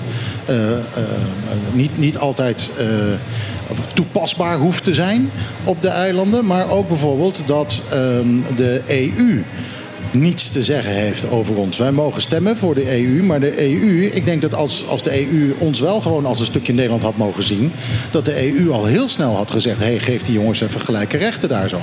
Ehm, en, en daar is bewust voor gekozen om dat erbij te houden. Ik, ik zie daarnaast ook nog het feit dat wij dus geen. Iedereen noemt ons een bijzondere gemeente, maar we zijn geen gemeente. We zijn een openbaar lichaam. Dat betekent al de voordelen die we zouden hebben als we gemeente zouden zijn, ook niet voor ons eh, van toepassing Maar, maar, zijn. maar, maar even, even, er zijn twee verschillende zaken. Er zijn eh, de bestuursvormen binnen Nederland, binnen de Nederlandse grondwet. En er zijn mensen, natuurlijke personen die gewoon gelijke rechten hebben met elkaar. Dat wordt soms door elkaar gebracht, maar laten we het vandaag niet zo moeilijk maken dat wij zelf niet meer eruit komen. Het gaat erom, jij noemt het kwade wil, je mag het zo noemen. Ja, hè. ik- ik- ik kan tot geen andere niet- conclusie No, komen. no, maar, maar het is goed, kijk, het zijn eh, jouw woorden. Ik noem het verkeerde prioriteiten. Eh, en waarom noem ik het verkeerde prioriteiten? Ook omdat ik het meerdere malen naar voren heb gebracht.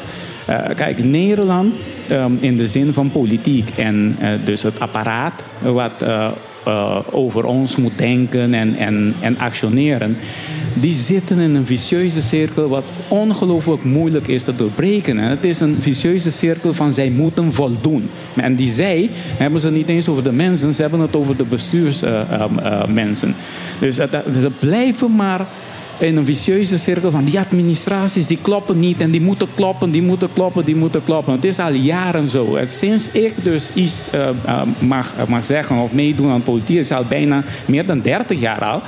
En zit Nederland in die vicieuze cirkel. En dus dan worden prioriteiten verkeerd gesteld en er wordt vergeten dat er hier gewoon mensen wonen. en die mensen die zijn gewoon gelijk. Daar komt nog iets bij. Ehm, wij zeggen altijd van ja, wij worden hier achtergesteld. Maar als je in feite naar 13 jaar lang Rutte gaat kijken, dan heeft alle kabinetten Rutte ongeveer alles voor zich uitgeschoven. Niet alleen de Cariben, maar alle problemen die ze, die, die ze maar tegenkwamen.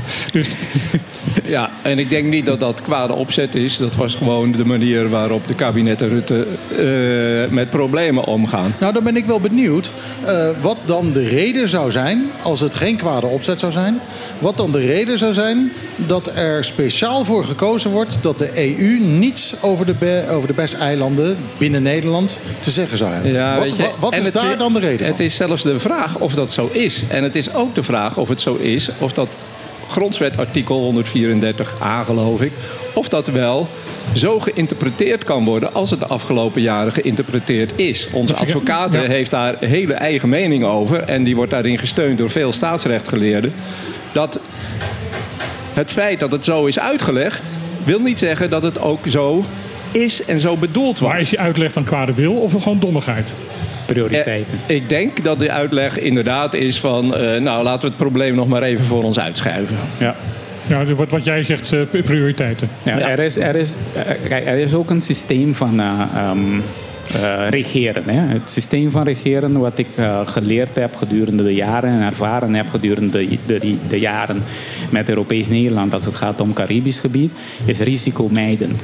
Mhm. Er wordt heel risicomijdend bestuurd ten aanzien van alle eilanden. Je, dus je, niet eens, je, wil, je Ja. wil nergens over struikelen. Exactly. Niet alleen eh, over Bonaire, Saba en Station, maar ook over dus de landen Aruba, eh, ehm, Curaçao en, en Sint Maarten. Er wordt risicomijdend wordt er bestuurd. Er, er, er worden echt geen enkel risico's genomen om dus iets in ontwikkeling te brengen. En dat is ehm, eh, eh, eh, eh, het instrument geweest welke dus gezorgd heeft voor al de resultaten die, die wij allemaal zien als gewoon negatieve resultaten. En maakt, het ook, maakt het ook uit dat eh, eh, als alle mensen in, in Caribisch Nederland eh, op één persoon gaan stemmen, hebben we nog geen Tweede Kamerlid eh, eh, zetel. Maakt dat ook uit? Nou ja, dat maakt in, in zoverre uit dat het op het moment dat je er niet in slaagt om in, de, om in Nederland een goede lobby op te zetten en een goede publiciteitscampagne op te zetten, dan, eh, dan is het volslagen oninteressant qua verkiezingen. Ik wou net zeggen, want als mensen in Groningen dat eh, gewoon zeggen van... hé, hey, als jij nou niet zorgt dat wij iets eh, voor elkaar krijgen... dan gaan we niet meer op jou stemmen. Ja, dan- dan, dan heeft dat macht. Dan heeft dat wat meer macht dan wanneer Bonaire, Saba en Stesia dat doen. Dat, ja, voor, vooralsnog, ja, vooralsnog. Maar we hebben nu gezien dat wij ook macht hebben. En, en dat moet ook bezien worden. Na ongeveer wat, zo'n tien jaar ongeveer was het, ehm, eh, zagen wij dat er dus wel meer aandacht komt. En je kon zien in dus die algemene beschouwingen nu. Eh, dat er langzamerhand een besef komt van, eh, luister, er zijn verschillende zaken ehm, die je ook moet scheiden van elkaar. Het feit dat het PZK vecht voor eh, dus compliance, dus gewoon goede, het goed besturen van, van eilanden, mag niet uitsluiten dat de rest van de ministeries en ook BZK zich ook buigen over dus gelijkheid van mensen. Men- mensen hebben gewoon rechten en ze wonen in Nederland en ze behoren gewoon goed Nou ja, behandeld te en- worden. En ik denk dat dat ook iets is wat pas in de laatste periode ook politiek is doorgedrongen. Ik weet nog dat tijdens, eigenlijk voor de verkiezingen van de Eilandsraad, voelden wij ons een soort gedwongen om partijen te vragen om een standpunt omdat het anders vaag zou blijven. Een standpunt, wat, wat vinden jullie nou eigenlijk? Dat er, of er een sociaal minimum moet komen? En steunen jullie de rechtszaak van Oenkelbom wel? En dat is omdat er vanuit de Eilandsraad en vanuit het bestuurscollege wisselende signalen werden gegeven aan bijvoorbeeld Kamerleden die wij spraken. Ja, En die dan zeiden van ja, ja, maar het moet maar wel een beetje pokko pokko, want, eh, hè, want dat krijgen we te horen in de Eilandsraad. Dus we zijn ook te bescheiden geweest. En op het moment dat wij die rechtszaak begonnen, hadden wij ook zoiets van: ja, je moet helemaal niet bescheiden zijn. Je moet gewoon zeggen: we hebben er recht op. Nou ja, dat is ook de Nederlandse manier van politiek. Gewoon met je, met je vuist op tafel en zeggen van... jongens, eh, hou rekening met mij. Ik bedoel, dat is wel een beetje de Nederlandse manier van doen. Wat ik heel opvallend vind op dit moment... en dat sluit daarop aan... is dat nu bijvoorbeeld de motie... dat eh, het sociaal minimum wel degelijk op 1 juni 2024 ingevoerd moet gaan worden... gesteund wordt door een... eh, of mede ingediend is door de partij van de minister... die zegt van dat het niet kan. Ja, en dat is ook, dat is ook heel erg te danken, denk ik. En daar wil ik Jorien Wuiten wel een enorm eh, compliment geven. Daar, Wat zonde dat zij weggaat. Daar heb ik echt eh, de afgelopen weken eh, heel regelmatig contact mee gehad. Van joh, wat moeten we? Want 1-1-24, moeten we dat houden of moeten we 1-7? Ik zeg nou, op het moment dat 1-7 haalbaar is, doe dat dan maar. Want dat is altijd nog beter dan wanneer je niet gezamenlijk optreedt met de Ja. ChristenUnie. Ja. En dan, eh, dan heb je in ieder geval een duidelijke datum waar de regering wordt gedwongen. Ik ben nog wel heel bang dat de uitvoering nog weer problemen op gaat leveren. En dat heeft weer te maken met het feit dat meerdere ministeries integraal beleid moeten maken. En daarom heeft Oenkelbon er ook sterk voor gepleit om een speciale taskforce in te richten onder leiding van een sterke programmaleider. Die, eh, die dat gewoon gaat regelen. Want op het moment dat je dat weer aan eh, drie, vier verschillende ministeries moet overlaten, ben ik bang dat het eh Sint-Juttemus wordt. En dat ze allemaal zeggen van ja, het is niet gelukt. En een hele praktische vraag. Moet die taskforce-leider uit uh, Cariben komen of uit, uit Den Haag? Ik denk dat het het beste is dat het een Nederlandse zwaargewicht wordt. Die, die gewoon ervoor zorgt dat de joh. politiek in Nederland het uitvoert. Uh, Jorien Buiten is binnenkort werkloos. Bijvoorbeeld, ja. ik weet niet of die een goede programmaleider is, maar net zoals je voor het klimaat een speciale, eh, zoals je voor het klimaat een speciale eh, eh, ja, kwartiermaker, weet ik hoe het genoemd werd, die ook een enorme invloed heeft gehad op eh, politiek in Nederland. Zo is er ook iemand nodig om, die, eh, om dat sociaal minimum best in te voeren. Nee, in ieder geval, ehm, ik ondersteun dat ook. Ehm, trouwens, eh, de commissie ondersteunt dat ook. Ehm, zonder een taskforce gaat van dus de invoering van sociaal minimum.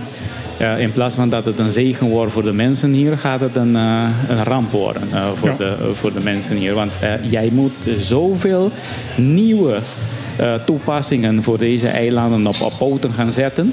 Dat als jij dat niet goed doorberekent, als jij dat niet goed voorbereidt en als je niet zorgt voor, de, voor de, eh, niet alleen de uitvoering, maar ook de monitoring eh, van de resultaten van de uitvoering, dan krijg je een groot probleem. Dan zitten we zo dadelijk wel met een eh, goed uitgerekende en berekende sociaal minimum.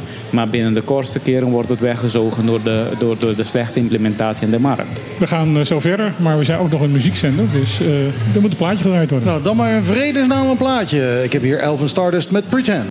Pretend you're happy when you're blue. It isn't very hard to do. Pretend. So why don't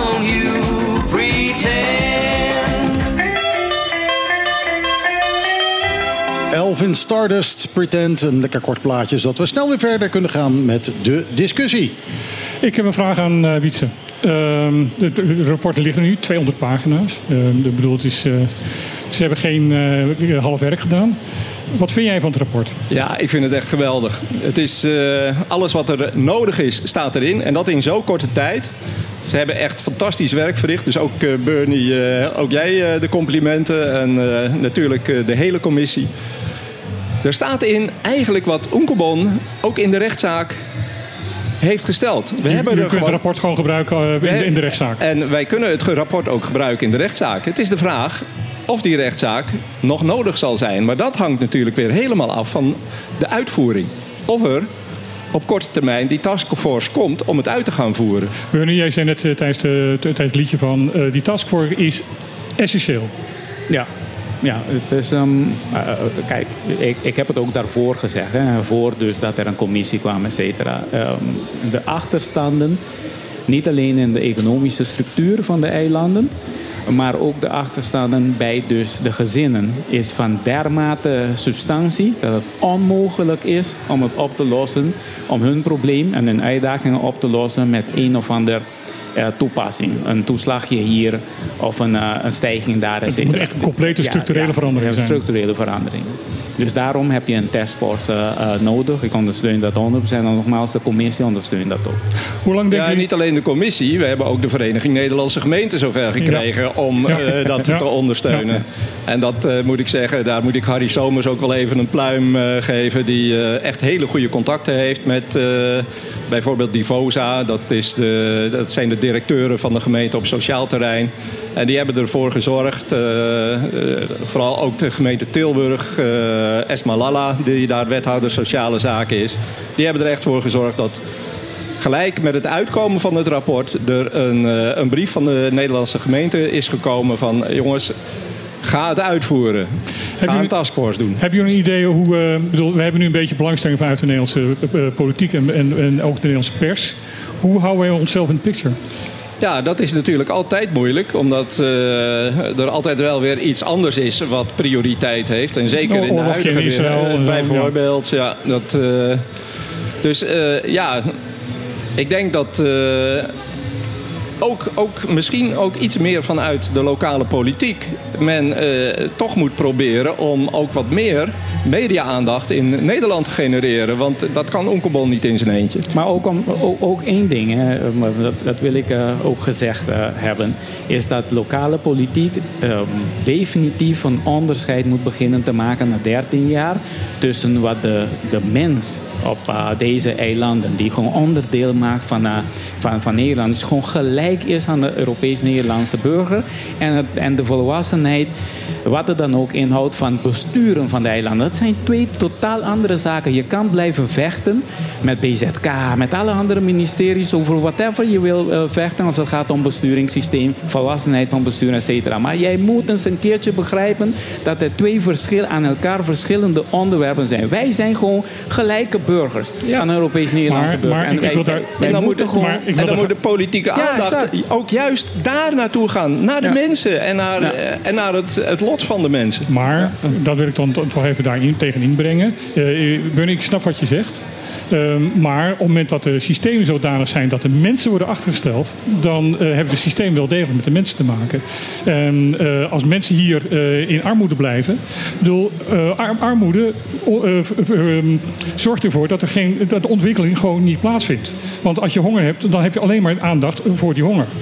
Ehm, dus je kan wel zeggen, de, de mensen zijn hier gelijk. ehm, maar ach, ja, nou goed, de systemen zijn, zijn verschillend. Maar het heeft wel degelijk met elkaar te maken. Ja, maar, maar er zijn ehm, taken op verschillende niveaus. Eh, kijk, er zijn taken die opgepakt moeten worden door Nederlandse ministeries. En er zijn taken die opgepakt worden door gemeenten, ook in Europees Nederland. En, en dat is wel niet hetgene wat ik bedoel met ehm, ja, een, gewoon een natuurlijke en continue gevecht eh, wat moet blijven bestaan tussen eh, eh, de eilanden en eh, Europees Nederland. Dat mag blijven eh, gebeuren. Maar dan moet de onderwerp van dus dat de mensen gelijke rechten moeten hebben, moet gewoon apart behandeld worden met, eh, met de ministeries dus die, die, die die taken hebben die het moeten oppakken. Onderwijs moet gewoon gelijk zijn. De, de kansen van, van een student hier of van een leerling hier moeten gewoon gelijk zijn als de kansen voor een student en een leerling in Nederland. Enzovoorts enzovoort. En zo gaat het ook om, eh, om armoede. Wat, wat, jij, wat jij dus zegt is van leg het accent anders. Leg het Ja. accent naar de mensen toe. Dan worden die systemen automatisch ook aangepakt. Is dat wat je zegt? Dat is hetgene wat ik zeg in mijn eigen woorden, ja. Martijn, ehm, eh, als ik eventjes naar ons lijstje ga. Hè? Eh, Ja. Puntje 1 staat. Caribische Nederlanders in Nederland voelen zich tweederangs burgers. Kun je dat artikeltje wat daarbij hoort eh, even Even naar aanstippen? voren halen. Eh, ja, er is een onderzoek geweest eh, eh, naar mensen die in Caribisch Nederland, eh, Caribisch Nederland mensen en ook vanuit de. de ja, ik moet even uitleggen. Caribisch Caribische Nederland- Nederlanders in Nederland. Ja, maar heel vaak wordt de term Caribisch Nederlanders ver- ver- ver- eh, verward met ook mensen die van, Sint, van Sint Maarten, Curaçao en Aruba komen. En dat is wat hier bedoeld wordt. Ehm, want eh, de- in het artikel staat Aruba, Curaçao, Sint Maarten. De mensen die daar, de burgers daar die er vandaan komen, voelen zich in Nederland tweederangs burgers. Ja. Ehm, dus kijk je niet even op de term Caribisch Nederlanders, want dat worden alle eh Antillianen mee bedoeld in dit geval. Maar wat ze, wat ze het gevoel hebben van eh, we worden achtergesteld, het is pro- problematisch omdat we geen, geen, ehm, eh, social security nummer hebben, we hebben dit niet, we hebben dat niet, we kunnen niet huis. Dus, ze lopen tegen allemaal zaken Ja, aan. ja, een van die dingen waar ze tegenaan lopen is dat als je, en dat maakt er niet uit of je volgens mij, ik weet niet of dit ook geldt voor de Caribische landen, maar in ieder geval voor de bestmensen, als die naar Nederland gaan eh, en ze zouden daar een, eh, een uitkering moeten hebben, een, een, een eh, hoe heet het, bijstandsuitkering, dan worden ze in eerste instantie gekort. Dan zijn ze dus nog steeds minder Nederlanders. Dus al zijn ze in Nederland, worden ze gekort op die uitkering omdat ze hier vandaan komen. Dat gebeurt verder met niemand. Dat gebeurt niet met, eh, met een Oekraïense vluchteling. Dat gebeurt eh, eh, niet met een, eh, eh, een Ethiopiër of wat dan ook. Ik, eh, ik, ik kijk even Bernie aan. Er is, eh, ik kan jullie garanderen dat er een, een pakket is aan eh, allerlei zaken die gewoon niet goed eh, eh, zijn. Met dus het eh, behandelen van één, burgers in het koninkrijk. Als het gaat om dus eh, burgers in het koninkrijk die zich dan in Europees Nederland bevinden. Maar ook op Aruba, Curaçao en Sint Maarten.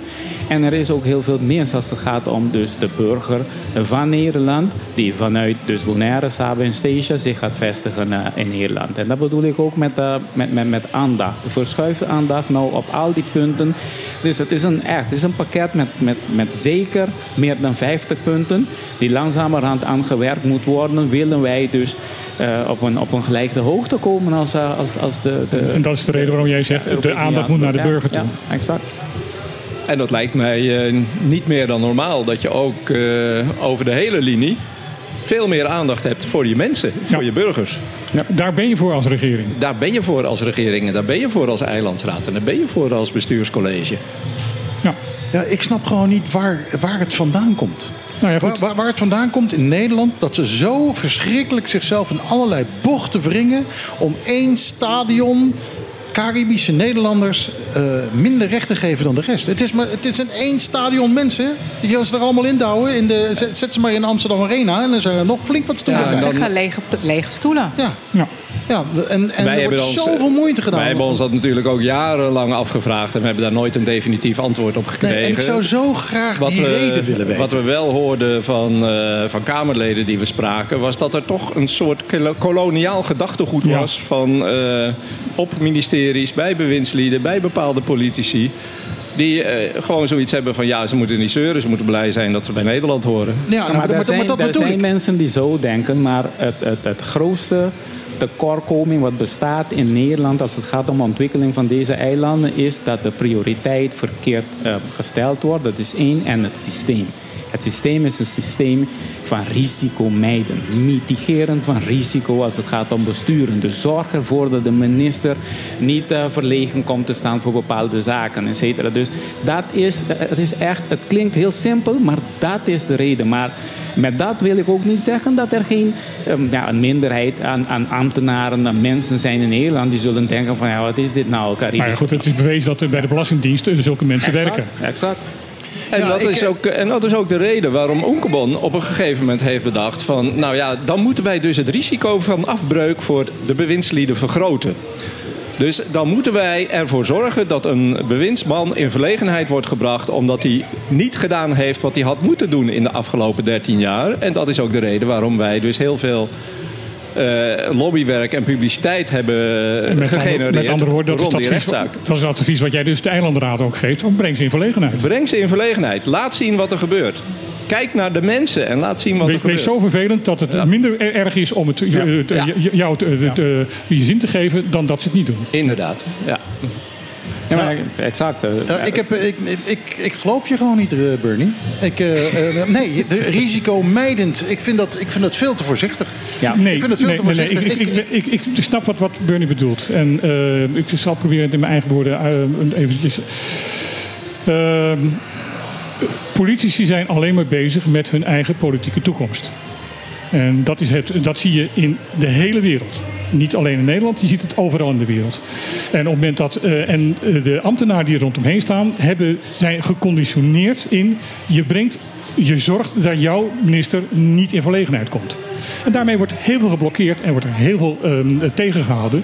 Wat allemaal risico is, dat kan je beter dus gewoon maar vermijden. Ja, nou ja, dat, En daarmee zit er in de politiek in de wereld heel veel mis.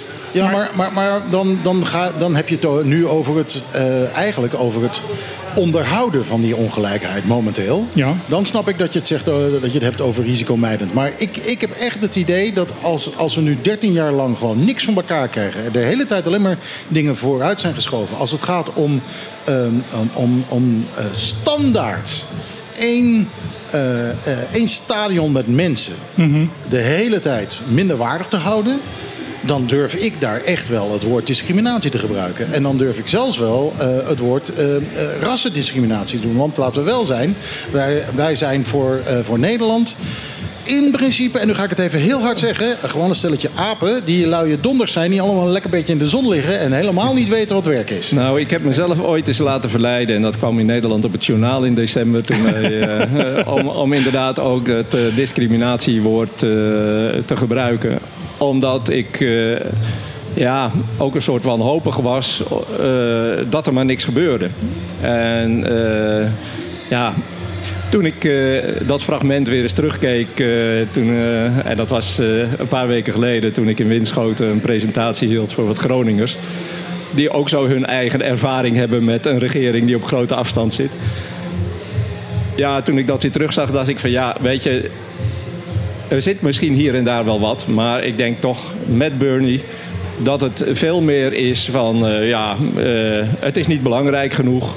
Eh, de minister ja, als hij niks doet, dan deert het hem niet. En als hij wel wat doet, dan krijgt hij misschien ook wel eh, van ultra-rechtse partijen de wind van voren. Nou ja, dat, Dus dat zal wel zijn. Maar dus, dan kan je, dus dan kan je beter niks doen. Nog, mijn probleem is dat er zoveel systematische dingen in de plek zijn gezet. Ja. Omdat, omdat, omdat het systemen zijn.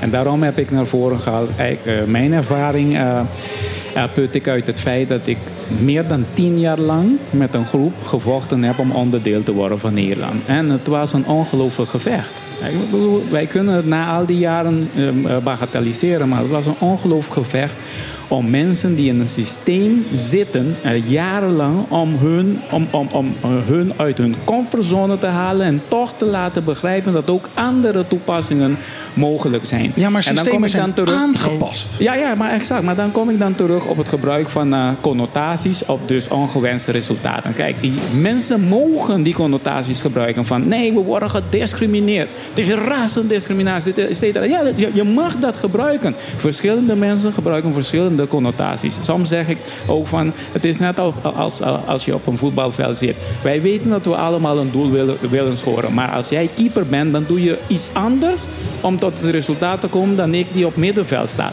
Dus nogmaals, mensen mogen die connotaties gebruiken, discriminatie, rassendiscriminatie, et cetera. Maar met mijn ervaring kies ik dus andere woorden, omdat ik dus eh, één op één met politieke bestuurders in Den Haag, ambtenaren heb gezeten om te proberen bepaalde eh, wetten te laten veranderen, bepaalde resultaten te bereiken voor de mensen hier op, eh, op het eiland. Dan heb ik een, eh, een vraag aan, aan jou. Je hebt met heel veel politici in Nederland gesproken. Hoeveel slechte mensen heb je daar ontmoet? In Nederland is het niet anders dan waar dan ook in de wereld. Ik denk dat je, dat je zo onder alle gemeenschappen heb je gewoon 20% van mensen die, die, die- waar het, het scheelt hun echt niks wat een iemand anders denkt. En ze zullen, ehm, wanneer het hun uitkomt, eh, een ander ras discrimineren. Ze zullen, wanneer het hu- hun uitkomt, proberen een ander ras uit te buiten, een ander land uit te buiten, wat dan ook, et cetera. Maar ik kan jullie verzekeren, 30 jaar lang, ongeveer iets meer dan 30 jaar, werkende met mensen in Europees Nederland, ministeries, ambtenaren en van alles, dat er meer goede mensen zijn in Europees Nederland dan, dan niet goede mensen. Maar hoe kan het dan dat eh, goede mensen, in dit geval, dus heel lang niet het goede gedaan hebben? Nou, dat is ook te wijten aan het feit dat je moet niet vergeten. Kijk, op een ministerie, zoals bijvoorbeeld het ministerie van Sociale Zaken, waar 2600 mensen werken. Daar zijn maar twee of drie mensen bezig geweest met de Cariben. En daar heb je dus niet veel goede mensen nodig. Of niet veel mensen nodig die eigenlijk de boot willen afhouden. Omdat ze denken dat hun minister beter af is als hij niks doet. Ja. Dan, dan heb je dus over een handjevol mensen. En eh, pas nu begint het ook op dat ministerie te schuiven. Omdat er wat andere mensen op het dossier zijn gezet. Mag ik het versterken, eh, eh, Martijn, voordat dit doet, mag ik het versterken met het volgende? Kijk, Daarvoor zit je aan het, tafel. het Nederlands systeem van besturen is als een hele grote schip.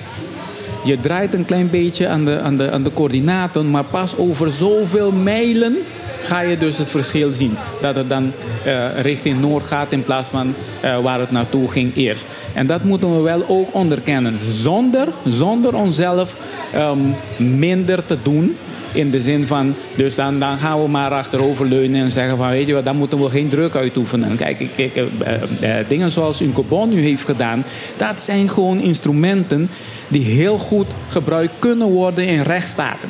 En dat is Nederland, dus dat moeten we doen. We moeten eh, die instrumenten gebruiken. We moeten niet eh, excuses vinden. Kijk, het is een legitiem, eh, zelf een feit wat ik nu noem. Maar we moeten, geen, we moeten het niet een excuus maken voor ons om niet te vechten. Maar het blijft een feit. Het is zo'n groot systeem. Het is te vergelijken met een groot schip. Kijk, als ik zo'n klein bootje, ja. zoals nu in de, in de bootparty. Zo'n klein bootje, als ik even draai aan de, aan de stuur, dan is hij meteen richting Noord. Een, gro- een grote olietanker Ja. duurt het eh, 30 mijl voordat hij stil, stil is. Exact. Maar, ja, die grote olietanker die kon wel in één keer zorgen dat, eh, eh, dat de EU niks over ons te zeggen had. Die kon wel meteen zorgen dat eh, eh, Caribisch Nederlanders eh, gekort werden op hun uitkeringen in Nederland. Dat lukte wel meteen. Ja, het eerste is wel te betwijfelen hoor, dat onderstreep ik ook. Want eh, eh, het is, eh, je kan wel ehm, proberen om fundamentele rechten in te perken, maar dat ga je niet lukken. Eh, nou ja, dus, het, het is precies wat er nu aan de hand is. ja, maar wij, wij moeten opstaan voor onze rechten. Hè? En als ik dan bedenk dat er straks eh, verkiezingen komen. En ehm, er zijn nu denk ik eh, goede resultaten geboekt. En eh, mogelijk eh, om dan Bernie aan te houden liggen we op een bepaalde koers. Hoe kijken jullie daar tegenaan? Want als ik wel eens peilingen lees, weet ik niet of ik daar zo vrolijk van word. En nogmaals, dat zijn peilingen. En uiteindelijk staan mensen in een stemhokje en zal het altijd wel anders worden. Maar hmm, wat dan? Stel nou, even hypothetisch, of misschien helemaal niet zo hypothetisch, dat we een totaal andere wind krijgen. Ehm, en dan? Nou, een totaal andere wind zou zijn eh, dat eh, Nederland een beetje naar links ombuigt. Een totaal gelijke wind is dat het nog iets meer naar rechts gaat. Ja, maar, maar nogmaals wil ik, wil ik, ik wil nog steeds eh, naar voren brengen dat wij dus niet moeten onderschatten dat ehm, wij, als dus eh, nu burgers van Bonaire, wij zijn gewoon legitieme 100% artikel 1 burgers van, eh, van, eh, van Nederland. Dat gaat niet veranderen met wie dan ook die daar komt te zitten. Dat gaat niet veranderen. Maar hoe zij dus het besturen Maar- naar maar het wij- wij moeten ook dus voor onze invullen is wel opkomen. anders. Ja, ja, we moeten voor onze rechten opkomen. Maar ja, hoe doen, we, hoe doen we dat? We kunnen, niet, we kunnen niet gaan demonstreren. We kunnen niet eh, op de A12 gaan liggen met z'n allen. Wij kunnen wel degelijk gaan demonstreren. Wij kunnen wel degelijk, eh, bijvoorbeeld eh, in, de, in de Bali in Amsterdam, eh, een bezetting uitvoeren met Bonaireanen die in Nederland wonen. En, en zeggen van, eh, nou regering, kom erop, want eh, jij eh, bent heel fout bezig. Nou, dat- dat daarmee, gener- daarmee genereer je publiciteit in Nederland. Een, hoe fantastisch de demonstratie ook was. En ik was echt bijzonder blij dat Bonaire echt één bleek te zijn in mei. Toen die demonstratie er was, die door de heeft heel veel effect. Heel veel effect. Dat had enorm veel effect. Want eindelijk waren we zover dat we dachten... we kunnen opkomen voor onze rechten. maar er Nou, zijn nog niemand veel... zag ons. Dat is, eh, eh, ik weet dat Dick Draaier enorm veel moeite heeft gehad om ons 30 seconden, eh, nee, niet eens 20 seconden. En daarom moet je het ook, te, en daarom te moet je het ook in Nederland voor elkaar krijgen. En dat is wel degelijk te realiseren. Maar we moeten ons wel realiseren dat we dat dan ook moeten doen... als het nu weer de verkeerde kant op dreigt te gaan. Maar het is wel, het is wel gelukt. En, en, en, en kijk, nogmaals, ik, ik, ik denk met eh, er heel veel eh, eh, eerbied en onzag weer naar die tijd. Want het was voor de eerste keer dat we met zo'n velen achter één eh, eh, issue hebben Ja, gestaan. En het- kijk, dat, dat weinige aandacht wat hij heeft ehm, ehm, gehad in Nederland, heeft wel een heel groot effect gehad. Dus, ehm, Met andere woorden, dat smaakt naar meer. Nou, ook. ook maar ehm, er is ook een andere vorm van, eh, van, eh, ehm, eh, voor de rechten vechten. En dat moeten we meer en meer doen. En dat is wel in handen van bestuurders en politiek van Bonaire, Sab en. En dat is meer en meer ook bij organen zoals Raad van State, et cetera, proberen aandacht te krijgen. Voor het feit dat je gewoon ehm, stelselmatig minder bedeeld wordt als, als bestuursorgaan, als een gemeentelijk bestuursorgaan eh, in, in, Nederland. En je mensen krijgen dan de negatieve resultaten ervan. Dus je moet dat ook meer en meer gaan doen als, als, als ehm, eilandelijk bestuur. Ook bij de Tweede Kamer, want wij hebben geen lobby opgezet eh, bij de Tweede Kamer van, eh, Nee, van, van. We hebben het niet. En, en, en, en zeker ook niet bij de andere organen. Maar zeker niet bij, bij, bij de Tweede Kamer. Terwijl allerlei organisaties, zelf eh, commerciële organisaties in Nederland, een, een, een officiële lobby hebben naar de Tweede Kamer. Ja, en Bonaire is lid van de Vereniging Nederlandse Gemeenten. Ja. En Ja. daar kunnen we veel meer gebruik van maken. Dat is eh, niet alleen het bezoeken van zo'n congres één keer per jaar... waar je ergens in een uithoekje nog eh, op, een, op een bord komt te staan. Een continue vertegenwoordiging Maar, daar. maar continu contact. Ja. Gebruik de contacten die er zijn. En zorg ervoor dat het permanent in Nederlandse aandacht is. We moeten het een beetje afronden. Ja, het is, eh, eh, ik vind is, het een eh, ontzettend goed gesprek. En ik, ik zou er, ik zou er We zouden nog doorgaan. uren kunnen doorgaan. Ja, maar nou ja, het is hoe dan ook, de bal rolt een beetje en daar, daar ben ik blij om. Eh, we gaan kijken hoe het verder gaat. Wat zijn jullie verwachtingen? Nog even snel.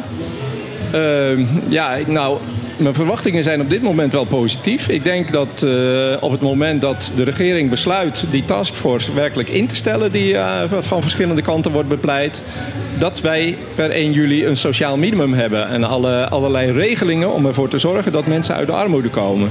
De structurele maatregelen die zullen wat meer tijd kosten. Maar goed, daar geeft het rapport Todé ook fantastische handvatten voor om daar invulling aan te geven. En ik hoop dat dat gaat gebeuren in de komende jaren. Bernie, jij? Ik, ik ben ehm, eh, voornamelijk eh, optimistisch om het feit dat, eh, dat, dat, dat nu de Tweede Kamer ingezien heeft dat er een groot verschil bestaat tussen de mens en dus eh, alle andere zaken die de ministeries in Nederland proberen te doen in de zin van hun systeem, hun eh, systeem van eh, mitigerend altijd optreden naar risico's toe en et cetera, et cetera. En dat je gewoon voor de mens moet opkomen als Tweede Kamer. En daarom ben ik voornamelijk optimistisch. Ik denk dat de komende jaren er wel positieve effecten zullen, zullen komen voor de, voor de mensen op, uh, op Bonaire, Saba en Station. En vooral degenen die, die, die al wel jarenlang, en ik noem uh, 100, maar het is zeker uh, meer dan, dan 100, gewoon niet een goede kans hebben, niet een legitiem kans om uit armoede te komen. Nou ja, in ieder geval wat jij in je zak kan steken is dat je dit werk allemaal niet helemaal voor niks hebt gedaan. Er wordt tenminste wat mee gedaan. Uh, dus dank je wel. In ieder geval ook dankjewel dat je er was. Dat geldt ook voor jou, Wietse. Ja, graag gedaan. dit was Op de Klippen. we moeten het korter houden. Het is niet anders. ik wil iedereen hartstikke bedanken voor het luisteren. Zometeen na het nieuws van twee uur hoor je Ron Gijzen met de Klaat op 20. hoor je allemaal hitjes. Wij draaien even iets wat nooit een hitje is geweest. Nou ja, in een andere versie misschien. Zometeen als laatste plaat. Maar in ieder geval bedanken we jullie voor het luisteren. En wij zeggen met een, met een warm hart. Ajootje, cadeautje. Iedere zaterdag tussen 12 en 2. Live met Michiel en Martijn. Wat een feest! Dit is